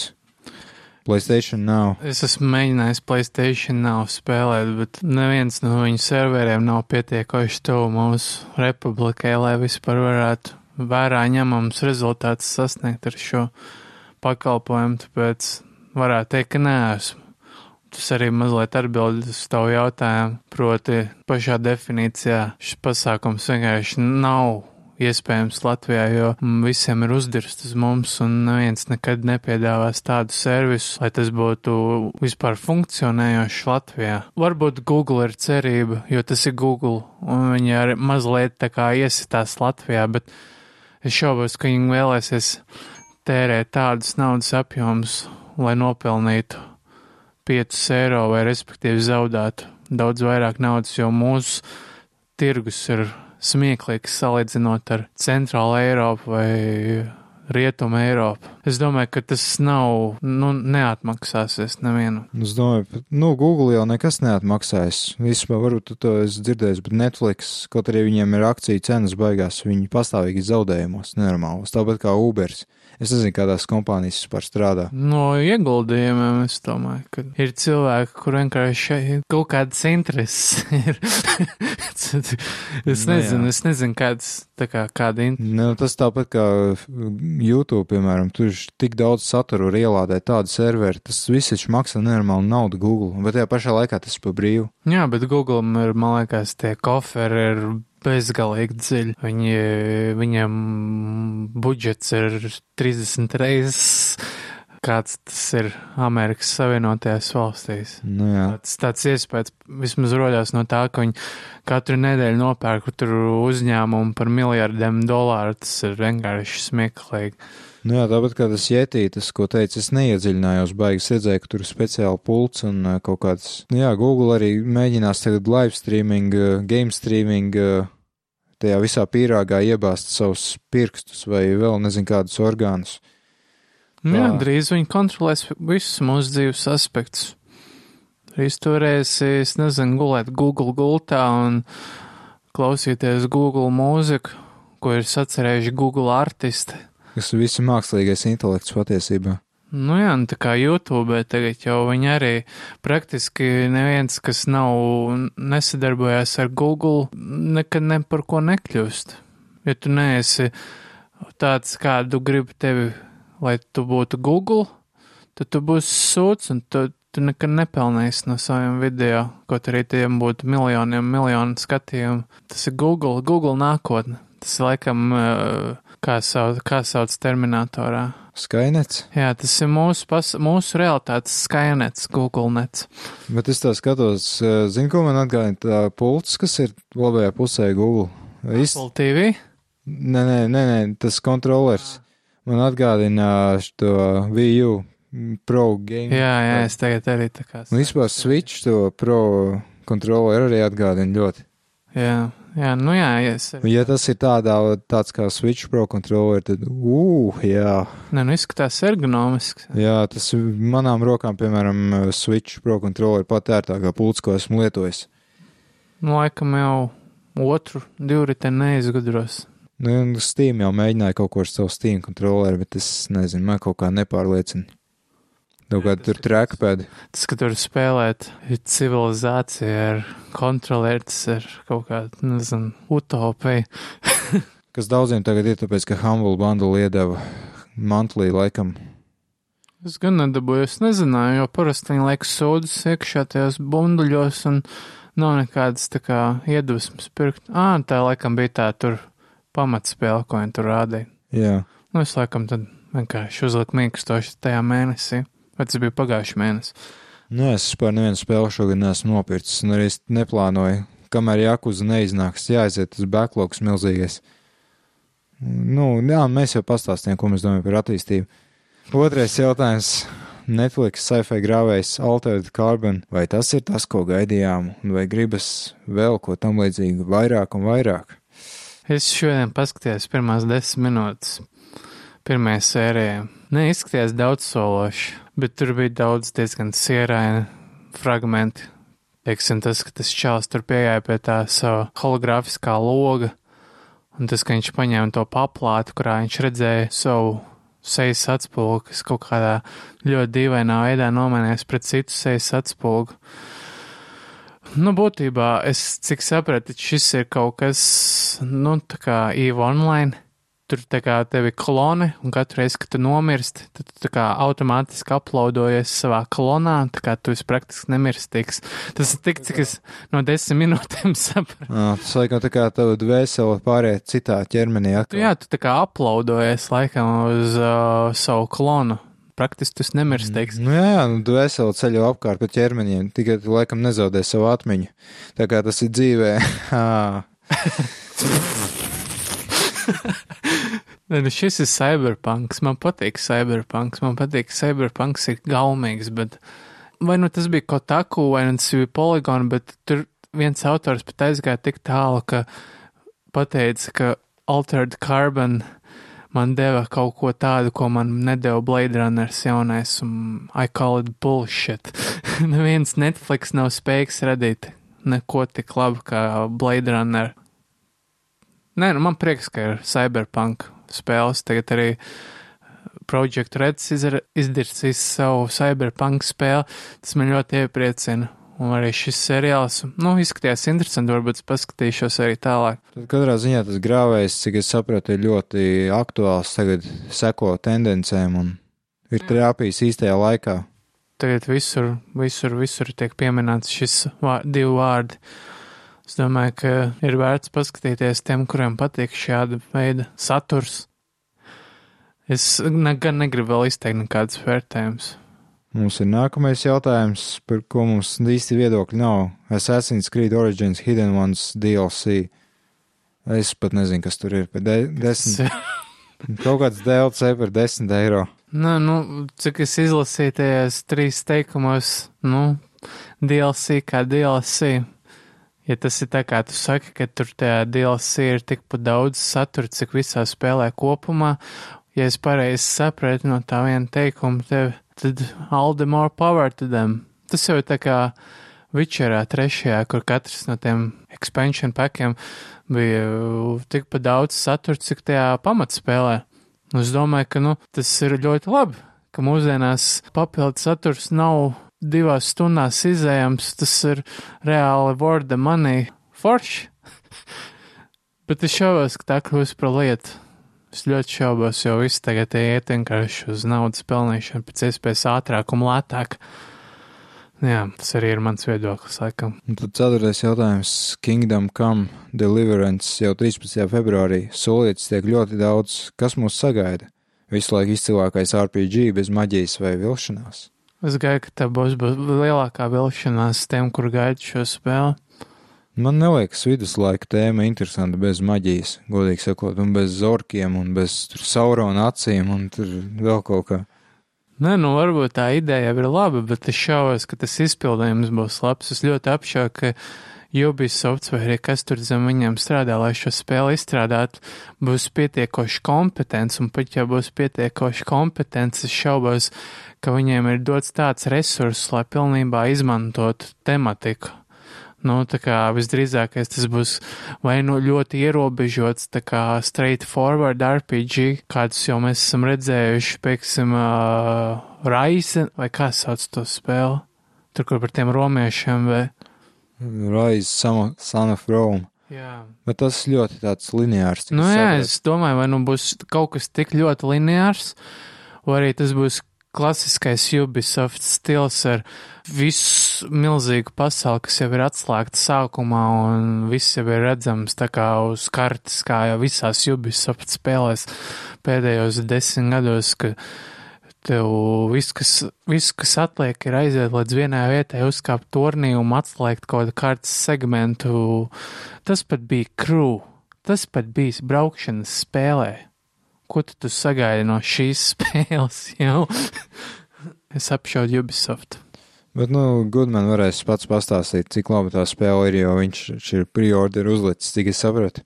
Pēc trim dienām jau iznāk, tad, uh, tā kā jūs šo klausīsieties, tad pēc divām vai kaut kā tā, tad varēs pastāstīt, vai ir, ir vai nav, jo mums īsti nav viedokļa. Diemžēl intereses laikam atšķiras. Tad nākamais lietotais stils jautā, vai jūsuprāt šī izgājiena ir DLC no IE puses, kad katrā spēlē ir pa četriem DLC, kas katrs maksā ap 10 eiro un pat vairāk ir jāierobežo, vai nav?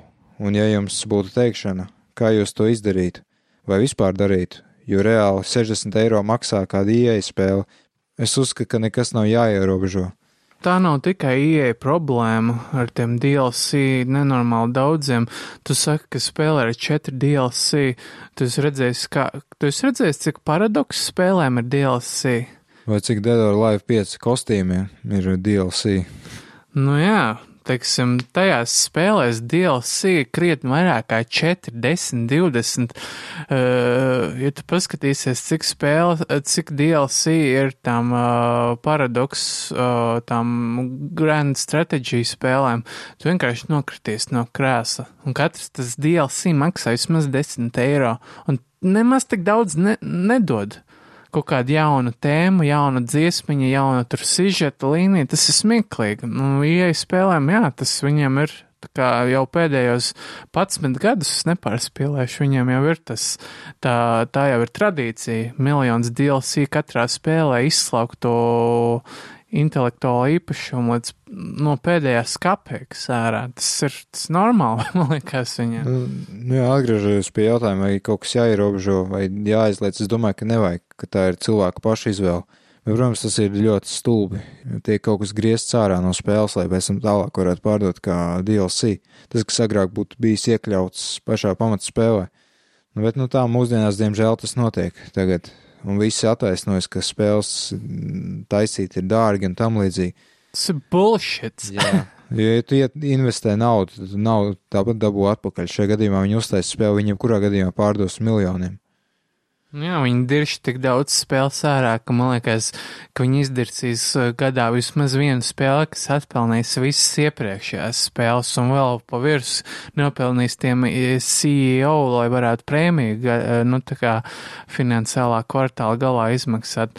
Tā kā es domāju, ka tas ir riktīgākais bullshits, ka viņiem vajag tos DLC vai microtransactions, lai pelnītu naudu, jo ķipa dārgāk spēles paliek. Nav galīgi tā. To reāli Džims Sterlings apspriež ļoti daudzos video, ļoti veiksmīgi, mēs pilnīgi, pilnīgi piekrītu viso, visos punktos viņam, ka tas ir mīts, reāli mīts. Ja mēs ierobežosim, viņi atradīs citus veidus, kā kāst nav, teiksim, Destiny 2, jau kuro reizi Banžīs mūs apeš, reāli pēdējā pusgalā, ka nemaldos trīs reizes jau viņi ir apisuši kaut kādā, nu, meta līmenī cilvēkus, kaut ko tur ierobežojot, kaut ko noslēdzot, kaut ko izslēdzot, kaut ko palielinot, pātrinot, un tā arī notiks arī pārējās spēlēs, kurās viņi tā kā izurbīs iespēju DLC, tā kā laist ārā tik daudz, cik viņi laiž pašlaik būs cita veida, kā mūs čakrēt vienmēr. Nu jā, var to nosaukt citā vārdā, un tad tas vairs neskaitās DLC, tur likumiski un tam līdzīgi. Un tā, jā. Otrais jautājums no stils. Katrs nosauciet top 3 filmas, kas jums visvairāk ir patikušas. Neģītrās filmas neskaitās. Aha. Pirmā The Matrix filma droši vien, tālāk es nezinu. Es neesmu baigais filmu skatītājs. Tā tikai Matrix ir vienīgā spēle, kas, filma, kas tev patīk. Nu, protams, tad ir tās neķītrās filmas, bet tās mēs tā kā neskaitām. Nu. Naughty Moms Bang Teens. no Stepsister. My Hot Wet Stepsister. Jā, tas ir šausmas vienkārši, ko cilvēki tagad skatās. Nē, nu es varu nosaukt laikam savas trīs filmas. Pirmā noteikti būtu tagad jau Blade Runners, jaunākais pagājušajā gada.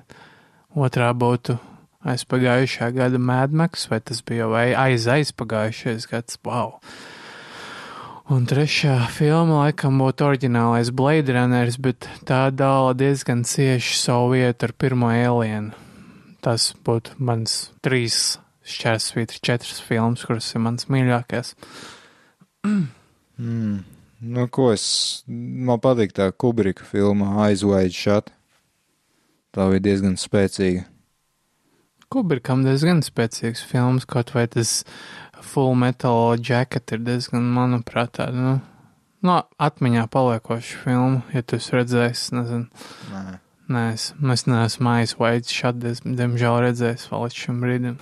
Nu, to nav, nebūs vēl kāda tiešā. Nu, labi, tad pēdējais jautājums. Korniv... Korniv... Kornivskis. Nē, Korņivskis. Lai nav off-topics, tad no manas puses jautājums bezcerīgiem podkāsim.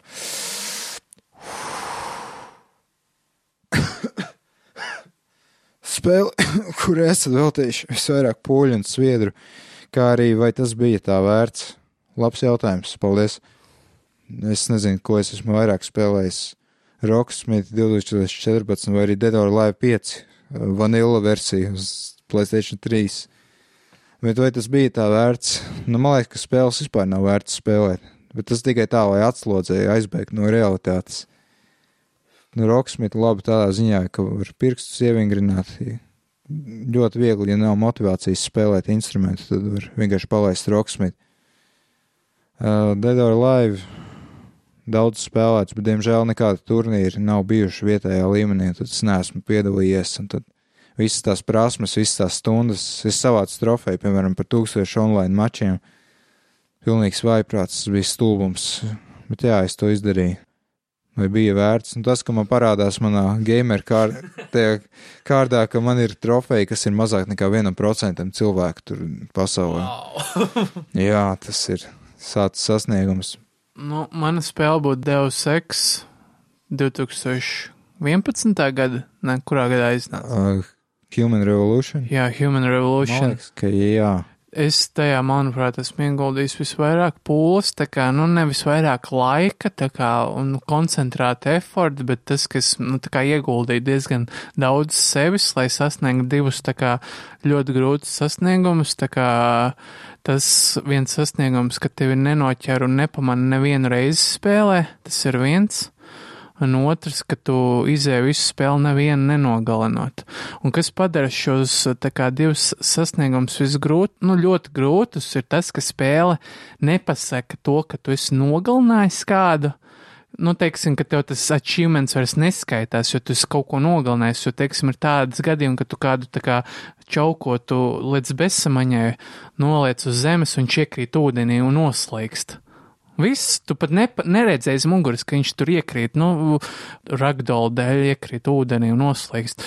Un otrs arī par to nepamanīšanu, jo, teiksim, tur ir ļoti trikī tas, ka tev visu laiku paliek nepamanām un, nu, kaut kā arī tas, ka tevi kaut vienu reizi pamanīs, to arī diezgan grūti kā konstatēt, tāpēc arī šie achievement diezgan sarežģīti bija tajā ziņā, vismaz priekš manis. Un jā, un man arī ir tā kā 0,30% tikai šis, šie divi achievementi, un tas man padara lepnu.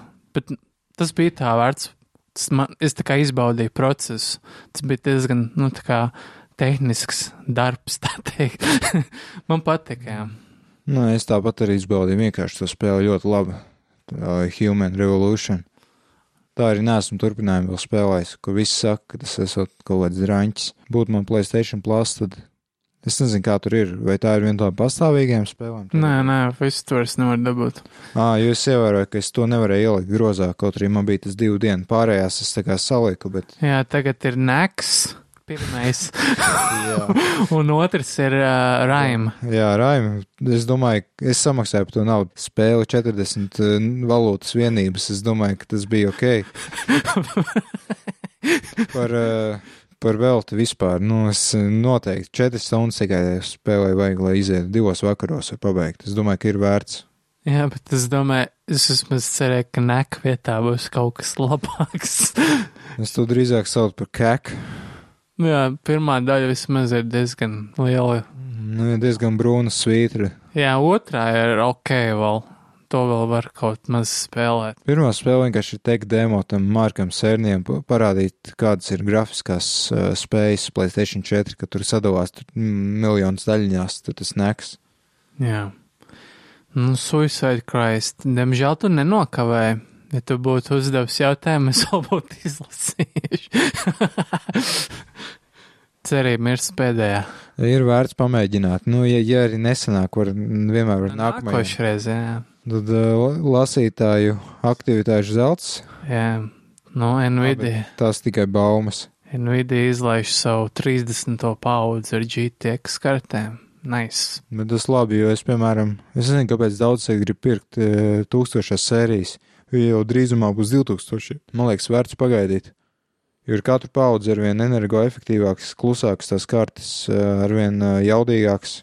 Man laikam vajadzētu pa priekšu nopirkt jaunu procesoru, pirms apdeitošu savu 970. Man laikam arī, bet kad es pirku savu 970 to pirms diviem gadiem, es uh, biju jau nolēmis. Ziemā, kas mēs pirms trim gadiem nopirkām. Vai pirms trim? Es nopirku tajā pašā gadā, kad iznāca Metal Gear Phantom Pain. Pareizi, es laikam arī pirms trim gadiem, ja es kaut ko domāju, ir man beigusies garantija tai kartē vai nav. Jā. Un es pirku ar domu, ka es piecus gadus lietošu. Un pagaidām man pilnīgi visam pietiek. Daudz maz uz high settingiem. Nē, nu man pietiktu, ja man nebūtu battle nekojošs processors. Jā, es tad īsti nesaprotu, vai man tas processors tik švaks ir, tas trešās paudzes i5. Nu, man vēl rēms tikai 8 gigabaiti. To gan es jūtu, ka kaut kādus video apstrādā, ka tur prasītos vairāk. Nu jā, 4K jau vajag 16 vismaz. Jā. Mē, mē, mē. Atkal DJ Kikis spamo. World's first risen APU unboxing. Vai tad vēl uz vienu APU ir lieta? Man liekas, ka viņi jau sen izgāja no stila. Tajos tur NOC, tajos super mazajos kompīšos. Es īstenībā gribētu tādu. Es skatījos, Intel izlaida kaut kādu jaunāko, kur viņiem ir to AMD karti iekšā, un tur ir jaudīgākie Intel un AMD? What? šoks. Jā, Vienmēr Intels ir bijis Nvidia. Nu, tur ir tā, ka jaudā, jaudīgākie versijai to teraflopu gandrīz tikpat, cik man uz ar to GTX 970. Un, ja es to varētu super mazā klusā kastītē dabūt, nu, jā. Wow. Un kas te notiek? Ai, kaut kāds brīļains noģis atkal 11 minūtes atpako. Ļoti labi. Tā pagāja 11 minūtes, un viņš atpakoja mazu čipu. Nice. Jā. Labi. Kaut kāda spēle, par ko es neko nezinu. 48 stundas bez maksas. Un tad ir. Atkal kārtējies, nezinu, 6 megabaitīgais gifs. Wow! Precīzi 10 megabaiti. Iedomājieties, ja es būtu uz mobilā interneta tagad nolāpīts. Holy shit! Nu, tad, eh, jā, kaut kā paspējām eh, ar savu spamu to bitcoin diskusiju aizvākt. Šodien dzirdēju interesantu lietu saistībā ar bitcoin. and it was confirmed that the National Security Agency, who we already know created um, Bitcoin, have something to do with the codes that allows them. In Britain, we would call it a bail-in, but in America, I think it's called a drawdown. Now, I wasn't aware that um, by throwing some switches or pressing some buttons, the National Security Agency can empty everyone's Bitcoin account, whether they want it or not. Um, I suppose after the initial shock set in, I realised that it's not that unusual because that's just what the banks can do. The banks have the ability and the law to empty everyone's bank account. Izrādās Nacionālās drošības aģentūra, angliski to sauc NSA, ā, var vienkārši paņemt un visiem atņemt bitkoinu. Tas nozīmē, ka tajā decentralizētajā valūtā, kriptovalūtā, izrādās ir kaut kāds backdoors iestrādāts, kas patiesībā nav nekāds pārsteigums. Bet bitkoins jau nav vienīgā kriptovalūta, ir jau neskaitāms citas, ir pat dog, dog coins, kas ir, manuprāt, kaut kāds alegorija cilvēku idiotismam, bet, nu, Ā, Tad jau tu laikam neesi dzirdējis par faktu token. nu, nu es nebrīnos. Vai tur kaut kāds kitī, tur token, neatceru. Nu, pilnīgi smuļķības, bet Nē, nu kā nu ir pat tiem, tiem kriptovalūtu brokeri, viņi paši savas valūtas taisa, lai varētu, teiksim, mainīt reāli naudu pret tiem kriptovalūtām. Tā kā, es, nu, man liekas, katrs, kurš grib, var izdomāt savu kriptovalūtu. Bet nesen es lasīju vienu rakstu, kur viens tiešām eksperts kriptovalūtās. Viņš teica, ka tikai trīs reāli būs aktuāls - Bitcoins, Ethereum Classic un uh, trešais ir Zcash. Zcash ir anonimitātei, Ethereum uh, vairāk valdības kaut kādām lietām. Un tad tas bitkoins, es neatceros, kam bija bitkoins, bet katrā ziņā doma tāda, ka katrai no tām valūtām ir kaut kāds mērķis, kaut ko. Jo visi šitie, kas ir, kas ir šodien, nebūs rīt. Tu tos nevar ņemt vērā. Nu, cik manā ierobežotā izpratne par šo tematu var radīt? Cik es saprotu, tad vienīgā jēga no kriptovalūtām ir tā, nu, pamatā, ka tu vari momentā pārskaitījumus veikt. Uh, ir problēma ar kriptovalūtām, ka tur tikai vienā sekundē var tur cik darījumus veikt. Ja vīzai var 10 tūkstoši, tur 24 tūkstoši darījumus vienā sekundē, kriptovalūtām ļoti maz. Nu jā, bet tas ir arguments, ka tas ir bez maksas. Bet uh, viss, viss pārējais starp banku pārskaitījumi it kā mistiskā kārtā maksā naudu, kas, manuprāt, ir idiotisms. Jā, kā, Jā. kā tas var maksāt naudu? Tas bankas reāli, tas tā iedomāti. Bankas uh, apkalpo to pašu finanšu sistēmu vienu. Tas komisijas maksas muļķības. Nu jā, un tā ir, manuprāt, vienīgā jēga bitkoinam, tas, ka tur vienkārši pārskaitīt naudu, bet, nu, tas, tas nu, no nacionālās drošības puses, nu, tajā, nu, labi, mēs varam Benjamina Franklina teik, teikt to izmantot, ka, ja, ja tu esi gatavs atdot savu brīvību, lai dabūtu kripatu drošības, tad tu neesi pelnījis nevienu ne otru. Tādā gadījumā tad mēs mm, jāsadzīvo ar to, ka tiek finansēts uh, anonīmi terorisms un narkotirgotāju dzīves stils un ieroču tirgotāju dzīves stils, uh, un tur mēs dzīvojam, uh, nu, tā kā utopiskā, anarhis, anarchistiskā sabiedrībā. Bet tas jau nekas, kā cip, cik esmu dzirdējis, un Klintona ģimene ir viena no lielākajiem narkodīleriem pasaulē. Haha! tas, tas, Bet jā, bija tas jautājums mums tāds savā starpā. Es es saku, ka tā finanšu sistēma ir sapuvusi. Tu saki, ka cilvēki ir sapuvuši. Nu, mēs visi esam sapoši. Finanšu sistēma pat par sevi ir nedzīvs, nedzīvs objekts. Nu, tā kā tas, ir, tas ir tas, kas esam mēs. Mēs veidojam šo sistēmu. Problēma tāda, ka tā finanšu sistēma tad balstīta uz augļošanu būtībā, jeb kā to labāk pazīst, kreditēšanu. Ka cilvēkiem tiek aizdot un valdībām nauda un par to cer atmaksāt eh, procentos atpakaļ. Bet naudas ir tikai tik daudz apgrozījumā, cik tās ir.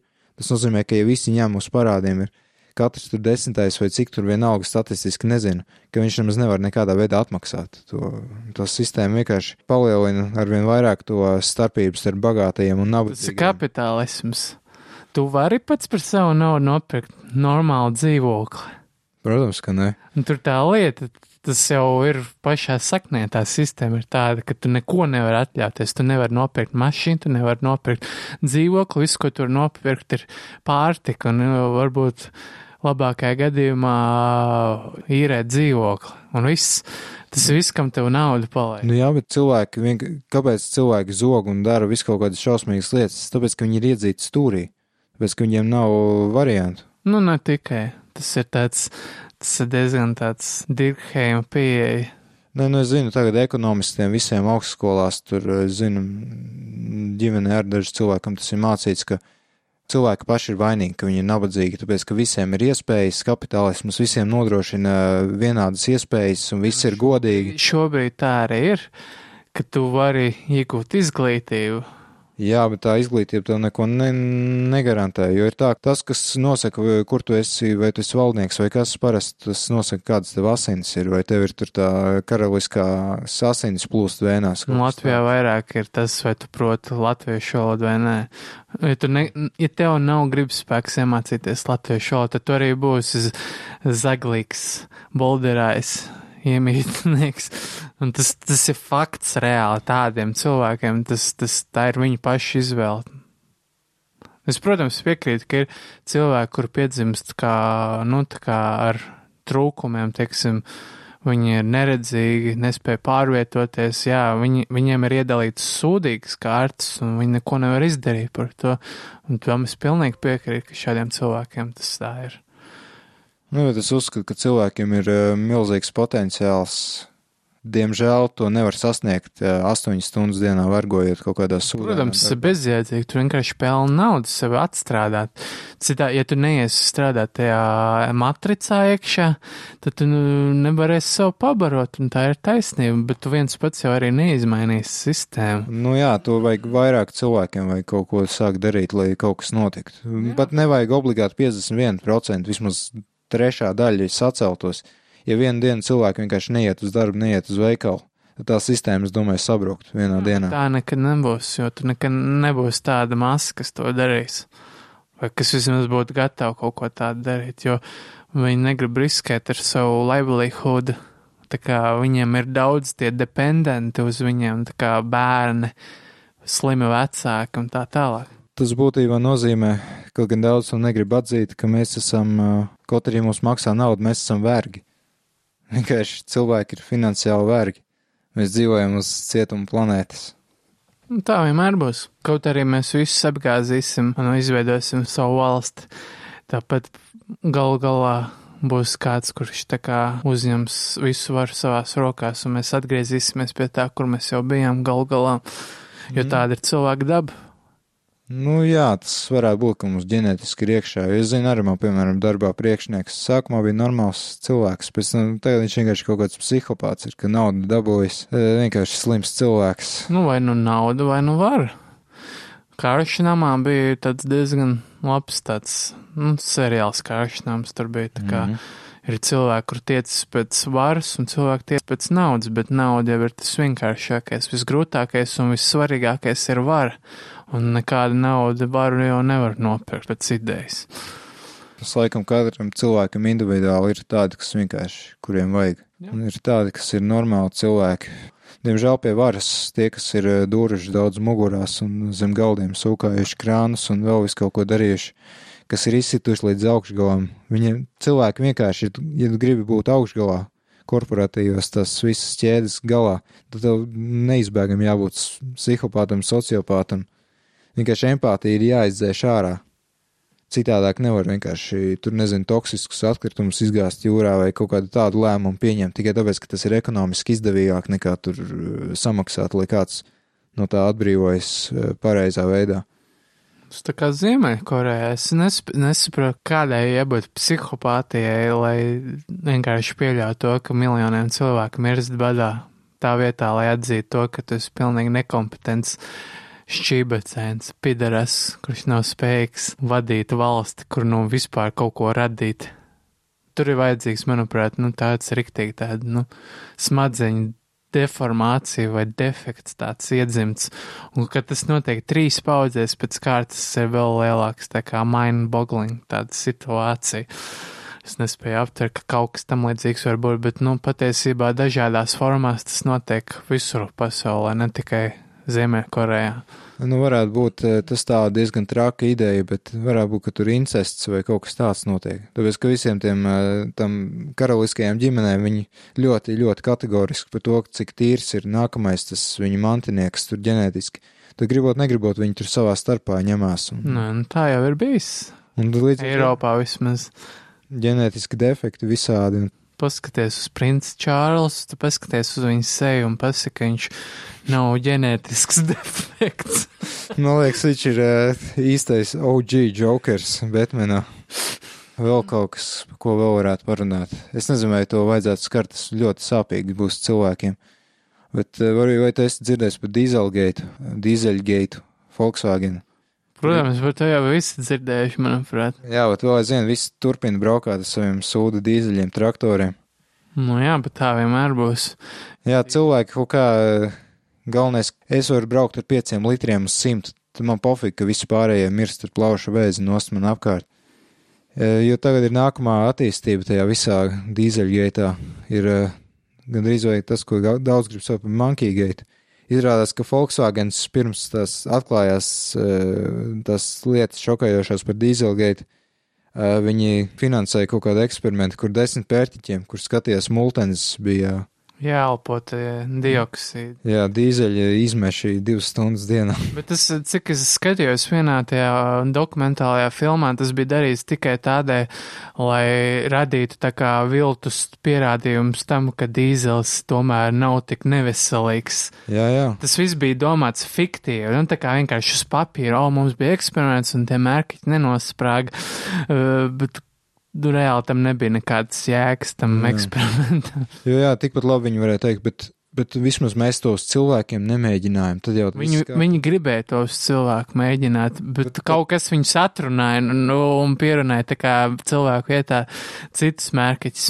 Bet, zini, kā man nepatīk tādas paralēlas vilkt, bet te jau kaut kas bišķi ar, uh, ar nacistisko Vāciju un holokaustu. Jā, jā, tajā, nu, kā dokumentālajā filmā bija tieši tāpat, nu, tā kā tā analoģija savilkt, ka, ka ko- te, nu, mēs esam 21. gadsimtā gāzes kameras un Volkswagen. Tomēr jāceras, kas dibināja Volkswagen būtībā. Nu. jā, un gal galā tas viss notiek Amerikā, nu, Amerikas Savienotajās valstīs. Tad. Mm. Bet tā jau izrādās, ka tas ir ne tikai Volkswagen, tas ir BMW, Mercedes. Daimler, jā, Chrysler. Viņam tieši tas pats, tieši tās pašas problēmas bija, ka viņam ir ieinstalēta tā programma, ka tu negrozi stūri un, nu, tā kā nekas nenotiek. Jā, tu esi laboratorijā būtībā. Jā, un, teiksim, tā mašīna spēja tā kā uzsvert to, ka tev no, tiek veikts tas izmešu tests, un tad tā mašīna tā kā regulē tos izmešus un savāc tajāštruntā, kas ir, nu, izplūdes sistēmā un glabā līdz kaut kādam ērtam brīdim, kad izmest ārā. Mm. Bet tas tā kā rada nevajadzīgu slodzi gan uz motoru, gan uz izplūdes sistēmām. Tur arī bija tajā dokumentālajā filmā, kas tad ir svarīga, svarīgāks - motors vai cilvēka dzīvības. Motors, jo es samaksāju 20 tūkstošus par sev jauno Volkswagen shitbox. Nē, nu, Volkswagen jau nav tik lēti, man liekas. Nē, nē, nu nav, jā, nu polo, es nezinu, varbūt Polo, man liekas, 25 kaut kas tam līdzīgs. vispār sviests. Nu, labi, sejā tu gan jau kaut kādu analoģisku var dabūt, kas tas pats Volkswagens vien ir. Cik sapratu, Škodām, Oktāvija un vēl kaut kas starpība vienīgā tā, ka sliktāk piekara bija vai kaut kas tāds. Nu, sliktāks salons, bet būtībā motors, transmisija, viss tas pats. Gal galā ir tā, ka dīzels ir toksisks, un, uh, manuprāt, pa pilsētu, pilsētā, ja tikai braukā ar mašīnu pa pilsētu, nevajag izolēties dīzeli. Jā, tagad ir DPF filtri, kas ir ļoti laba ideja. Diemžēl tie DPF filtri strādā tikai tad, ja vismaz reizi nedēļā izbraucas pusstundu pa šosei, kad var nostrādāt, sadedzināt tos izmešus. Jā, jo tad aizdiršās tie filtri ciet un diezgan dārgi nomainīt. Tīpaši BMW, maš, BMW dīzeļam, man liekas, kaut kur dzirdēju, ka tos filtrus nenormāli dārgi ir mainīt un vispār, ja tur kaut kas nočakarējās. Latvijā vienkārši remonts ir tāds, ka tos filtrus izņem ārā un tā mašīna braukā bez filtriem. Tad, jā, braukā viss kaut kādā. Es redzēju nesen ar salīdzinoši jaunu S klasi viens aizbrauc un vienkārši melns mākonis uz viņa. Nu, tas nozīmē, ka nestrādā tā sistēma. Es pat redzu kaut kādu Lexus skatījos, IS 220, tur cilvēks tur lielās, tur čiptūnings, izgriezts DPF filtrs. Ah, tāda idiota. nezinu. jebkurā gadījumā vislabākā izvēle ir benzīns. Ziemā pielaidīs, Mhm. ātrāk uzsilsi, un veiktspēja, manuprāt, ir attiecīgi arī lielāka kā dīzeļiem. Nu, dīzelim plus tāds, ka tev nevajag baigi gāzēt, tā kā benzīnu, lai dabūtu griezes momentu. Bet atkal tagad jaunie turbo benzīna zinēji, pat no tā paša Volkswagen. Tagad ļoti labi es saku. Tad, Lielāka energoefektivitāte, vismaz, manuprāt, nu, kā. Mm. Es domāju, ka dīzels ir vajadzīgs uh, smagajai, smagajai tehnikai, kur jā, jāvelk milzīgas Jā, un liels kilometrāžs, nu, tā kā vairākos desmitos tūkstošu kilometru mēnesī, tur, nu, kravinieki, respektīvi. Jā, nevis kaut kādā Volkswagen polo vai nedod Dievs lupo. Esmu daudz lupo redzējis ar TDI. Tāda maza mašīna, bet skan tā kā milzīgs traktors. Jā, es arī dzirdēju, man liekas, šo te mini, kam bija acīm, ne mini, tas pat nebija mini, tas bija smarts. Smartam bija caurs, nu, tā kā izpūtējis. Jā. Izklausies tā kā kaut kāds, es nezinu, tā kā traktors. tik, tik amizants skats, kaut kāds mazs sūds izbrauc. Es domāju, no kurienes nāk tā skaņa? No tā vecā bēmja, no tā vecā Audi? Nē, tur brauc mazs, mazs smarts aizmugurē, tad. Iedomājieties, man liekas, ka smartiem visiem vēl CVT ātrumkārba. Tas nozīmē, ka pārnesumu visu laiku, tas skaņa visu laiku vienā, tāda, tāda apnicīga, tāds du, visu laiku pastāvīgi tā skaņa, iedomājieties tādu braukt. Es nekad mūžā neesmu braucis ar smartam, varbūt divas reizes mūžā esmu redzējis, kā smarts brauc. Tā ātrumkārba ir tā kā motorolerim būtībā. Tā uz bantis kaut kā. Ir kā ideāli, teorijā tas ir ideāli pārnesumu kārba. Tev visu laiku pareizajā apgriezienā ir pareizais griezes moments, un tas, bet tā skaņa visu laiku viena tāda pati, tik garlaicīga. Nu, nedomājies, ja tev caurs izpūties, tu brauc vienkārši visu laiku tā pats, tas pats tonis. Uh, Bet, nu jā, cilvēki, es varu saprast, eh, tāpēc, ka par dīzeļiem mums vienkārši meloja. Iestāstīja, tur CO2, tur iznīcinās planētu, tur kusīs ledāji. Tāpēc obligāti visiem tagad ar dīzeļiem jābrauc. Jā, man patīk, kā ASV tos uh, dīzeļus sauc par clean diesels. Jā. Tas ir diezgan tāds. Eiropa tas vienkārši ir TDI vai vienkārši dīzel, bet tur ir clean diesel. jā, tas vispār, tas ir tā kā, nezinu, sportisks. Uh, Par spīti visam, pirmie, kas to konstatē, tomēr bija amerikāņi, viņiem jādod kaut kāds, nu, kā kredīts par to. mm, Amerikā vispār dīzeļi kaut kādi 2% tikai. Jā, vispār ir nenormāli milzīgi, neefektīvi. Uh, benzīna motori, Nu, nu, jā. kas ir otra galējība. Es saku, mazām mašīnām nevajag dīzeļu, lielajām vajag. Nu, un Austrālijā, jā, tur ir ar dīzelim viena priekšrocība, kur ļoti karsts, ka ne, neaizdegsies, ka tu uzpildīsi kaut kur nekurienes vidū. Vai ogļraktuvēs kaut kur tur, kur viena dzirkstela viss uziet gaisā, tur vajag dīzeļu ģenerators. Lai gan iedomājas cilvēki iespiest tādās mazās šaurās telpās ogļraktuvēs, un viņiem visu laiku dīzels jāelpo. Atkal otra galējība. Es nezinu, Nākamā mašīna būs dīzels. nē. Es, es, tā ir modeļa, kāda es vēlos, un nav iespējams dabūt normālu benzīnu motoru. Kaut kādu Hilux vai teroristu izvēle numur viens. Es tā kā ne, man rocība nav tik tālu, lai varētu tādas mašīnas atļauties. Tad normāli 40 tūkstoši vērta Toyota Hilux. Nē, nu tos vecās paudzes pa desmit, man liekas, var dabūt tā kaut kur. Tā ir vecā paudze. Bet, nu, tas ir pikaps, tā ir ritīgi darba mašīna, tur tu ved uh, kokus, tur stumbrus kaut kas. Volkswagen Amarok vai kaut kāds šitie Jā. tā. Tur nu viss tās mašīnas nenormāli dārgas ir. Bet iedomājies, cik tāds rīti, ja tev būtu V8. Austrāļiem, man liekas, ir 4 līdzīgs V8 arī Hiluxā. No amerikāņiem arī ir tie O, jā. li lielie, tie Dodge Ram, kuriem ir tie motori, kad 6 litrīgi vispār, es nezinu. Hemija vēl tur rakstīts, tur Tas gan ir stulbums. Atkal Nu jā, bet Latvijā normāli ņaudī nopirkt. Tādu trīs litrīgu, nu, nav iespējams.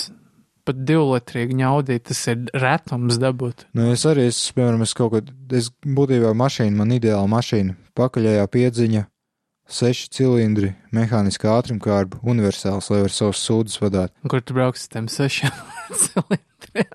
Kaut kur spolī. Nē, man vienkārši patīk, kā skan, kā rūts. Jā, jā. Jā. tev patīk, ka tev maciņš tā pa paralēli iztukšājās. Nu, var jau gāzi uzlikt. Bet, nu, būtībā tas ir. Kāds tolks, tad seši cilindrs piks, ja tu uzliec gāzes iekārtu. Nu, bet seši cilindri ir arī gludāki nekā četri. Kā, Nē, nu jā, pēc idejas, jo, jo simetriskā. lielāka cilindra, jo lielāka tā, nu, tā kā mazāks patēriņš, tā kā ideālos teorētiskajos apstākļos. Nu jā, bet būtībā varianti ir eh, BMW E46. un Praktiski visi ir nojāti, vai arī visi ir dīzeļi. Tur no Amerikas importē tāds Alpina M3, M, M, M3 vecā. Jā, jā, M3, V8 tur ir nepaldies. Nice. Tur eh, ar universālu nevar, man liekas, M3 dabūt. Nu, ja, nē, es esmu redzējis, esmu redzējis universālu M3, bet tas ir retums, tāpēc kā universāla AMG Mercedes, tie arī diezgan liela retuma, bet ir tādi, ir tādi. Mm. jā, ar ko tu vari vien aizvest savus bērnus uz skolu un uh, paņemt tur suni aizmugurē. Un pēc tam nākamajā dienā uz dragreiz. Jā, vai uz aizsalušu, aizsalušu ezeru tur spolēt astotniekus taisi. Mm. Jā, Latvija ir dīzeļvalsts, tāpat kā lielākā daļa Eiropas. Ko izdarīs? Neko neizdarīs. Norvēģijā jau, man liekas, pamazām aizliedz, piemēram, tos dīzeļus. Tur atkal uz elektromotoriem viss pāriet. Bet elektro neie, neies krastā, tāpēc, ka nav infrastruktūras tam. Nu jā, un arī tās baterijas nenormāli dārgas. Un smagas pagaidām arī nevar saspiest tik daudz enerģijas, cik vajag. Jā, ja tu atradīsi tādu bateriju, kur nav iespējams nodarāst, tad jau labi jums, bet mm, tādas nav litija-iona baterijas, nav tādas. Nu, un arī atceries, ko nauda galvenokārt grozās šajā pasaulē ap naftu. Tur jau arī neviens nav ļoti ieinteresēts ļoti labas, efektīvas elektromotors taisīt un uh, baterijas akumulators, gribēju teikt. Ūdeņraža cinē. Bet Tas, tas jau tas arī baigš notiek. Un Infrastruktūra vēl sliktāk nekā elektrodzinējiem. Nu jā, bet sacensībās man kā sastāvā Martiniem ir kaut kāds viens modelis ar ūdeņraža dzinēju. Nu, bija kaut kāda mašīna, bet ļoti dārga, kas akumulatoru vietā salsūdeni lietoja no jūras. Maksā miljonus mārciņus. tur ir. Uh, Un jāremontē pēc 500 ūdeņa. nē, nē, tur ir elektro, viss piedziņa ir elektromotori. Katrā, katram ritenim viens elektromotors. Tur praktiski nekāda apkopa nav tām elektromašīnām. Tas liels pluss. Bet atkal, uh, nu jā, ātrumu uzņem no 0 līdz 102,8 sekundēs. Bet, jā, miljons. Jā, es nezinu, kurš var pacelt tādu. Apkrāp valsts dabūs savu. Jā, jā, tirgojot puķis, nopelnīja savu pirmo miljonu. Vai, jā, vai saņem mazu aizdevumu no savu tēva miljonu, miljonu dolāru aizņēmumu mazu paņem. Tā kā Trumps. Tas tad arī Norāda uz šīs nots beigt. interesanti, cik daudz naidīgi komentāru būs no dīzeļu braucējiem. Ā, tur kaut kas bija pagājušo reizi, kad tu izteicies, ka metro ir kārtējs postapokaliptiskais sūds. Bet es domāju, kāda jums starpība, ko kaut kādi divi jefiņi internetā saka, tas ir mēs tā kā, nu, nu, un tad viedokļi ir tik, cik ir ānusi, nu, katram savs, nu, kāda starpība. Kādam viens, kādam divi. Kā, nu kā, kā, Nu jā, ja no Černobiļas, no metro, tur tās pasaules stalkē, tad varētu būt arī trīs, bet, nu, kāda starpība, katram savs viedoklis, un tāpēc nav, nezinu, jādod pa muti vai jāmācās pieņemt to, ka ir viedokļi dažādi, un katram jāatrod savu patiesību, un jāpieņem savi secinājumi, jāizdara. Galvenais ir domāt ar savu galvu, nevis tikai paļauties uz to, ko es tev no bērna kājas ir potēts iekšā. jā, tas bija bez, bezskaislīgais ko, ko, konkāsts, podkāsts no Maskavas ielas. Pīpējiet zāli katru dienu.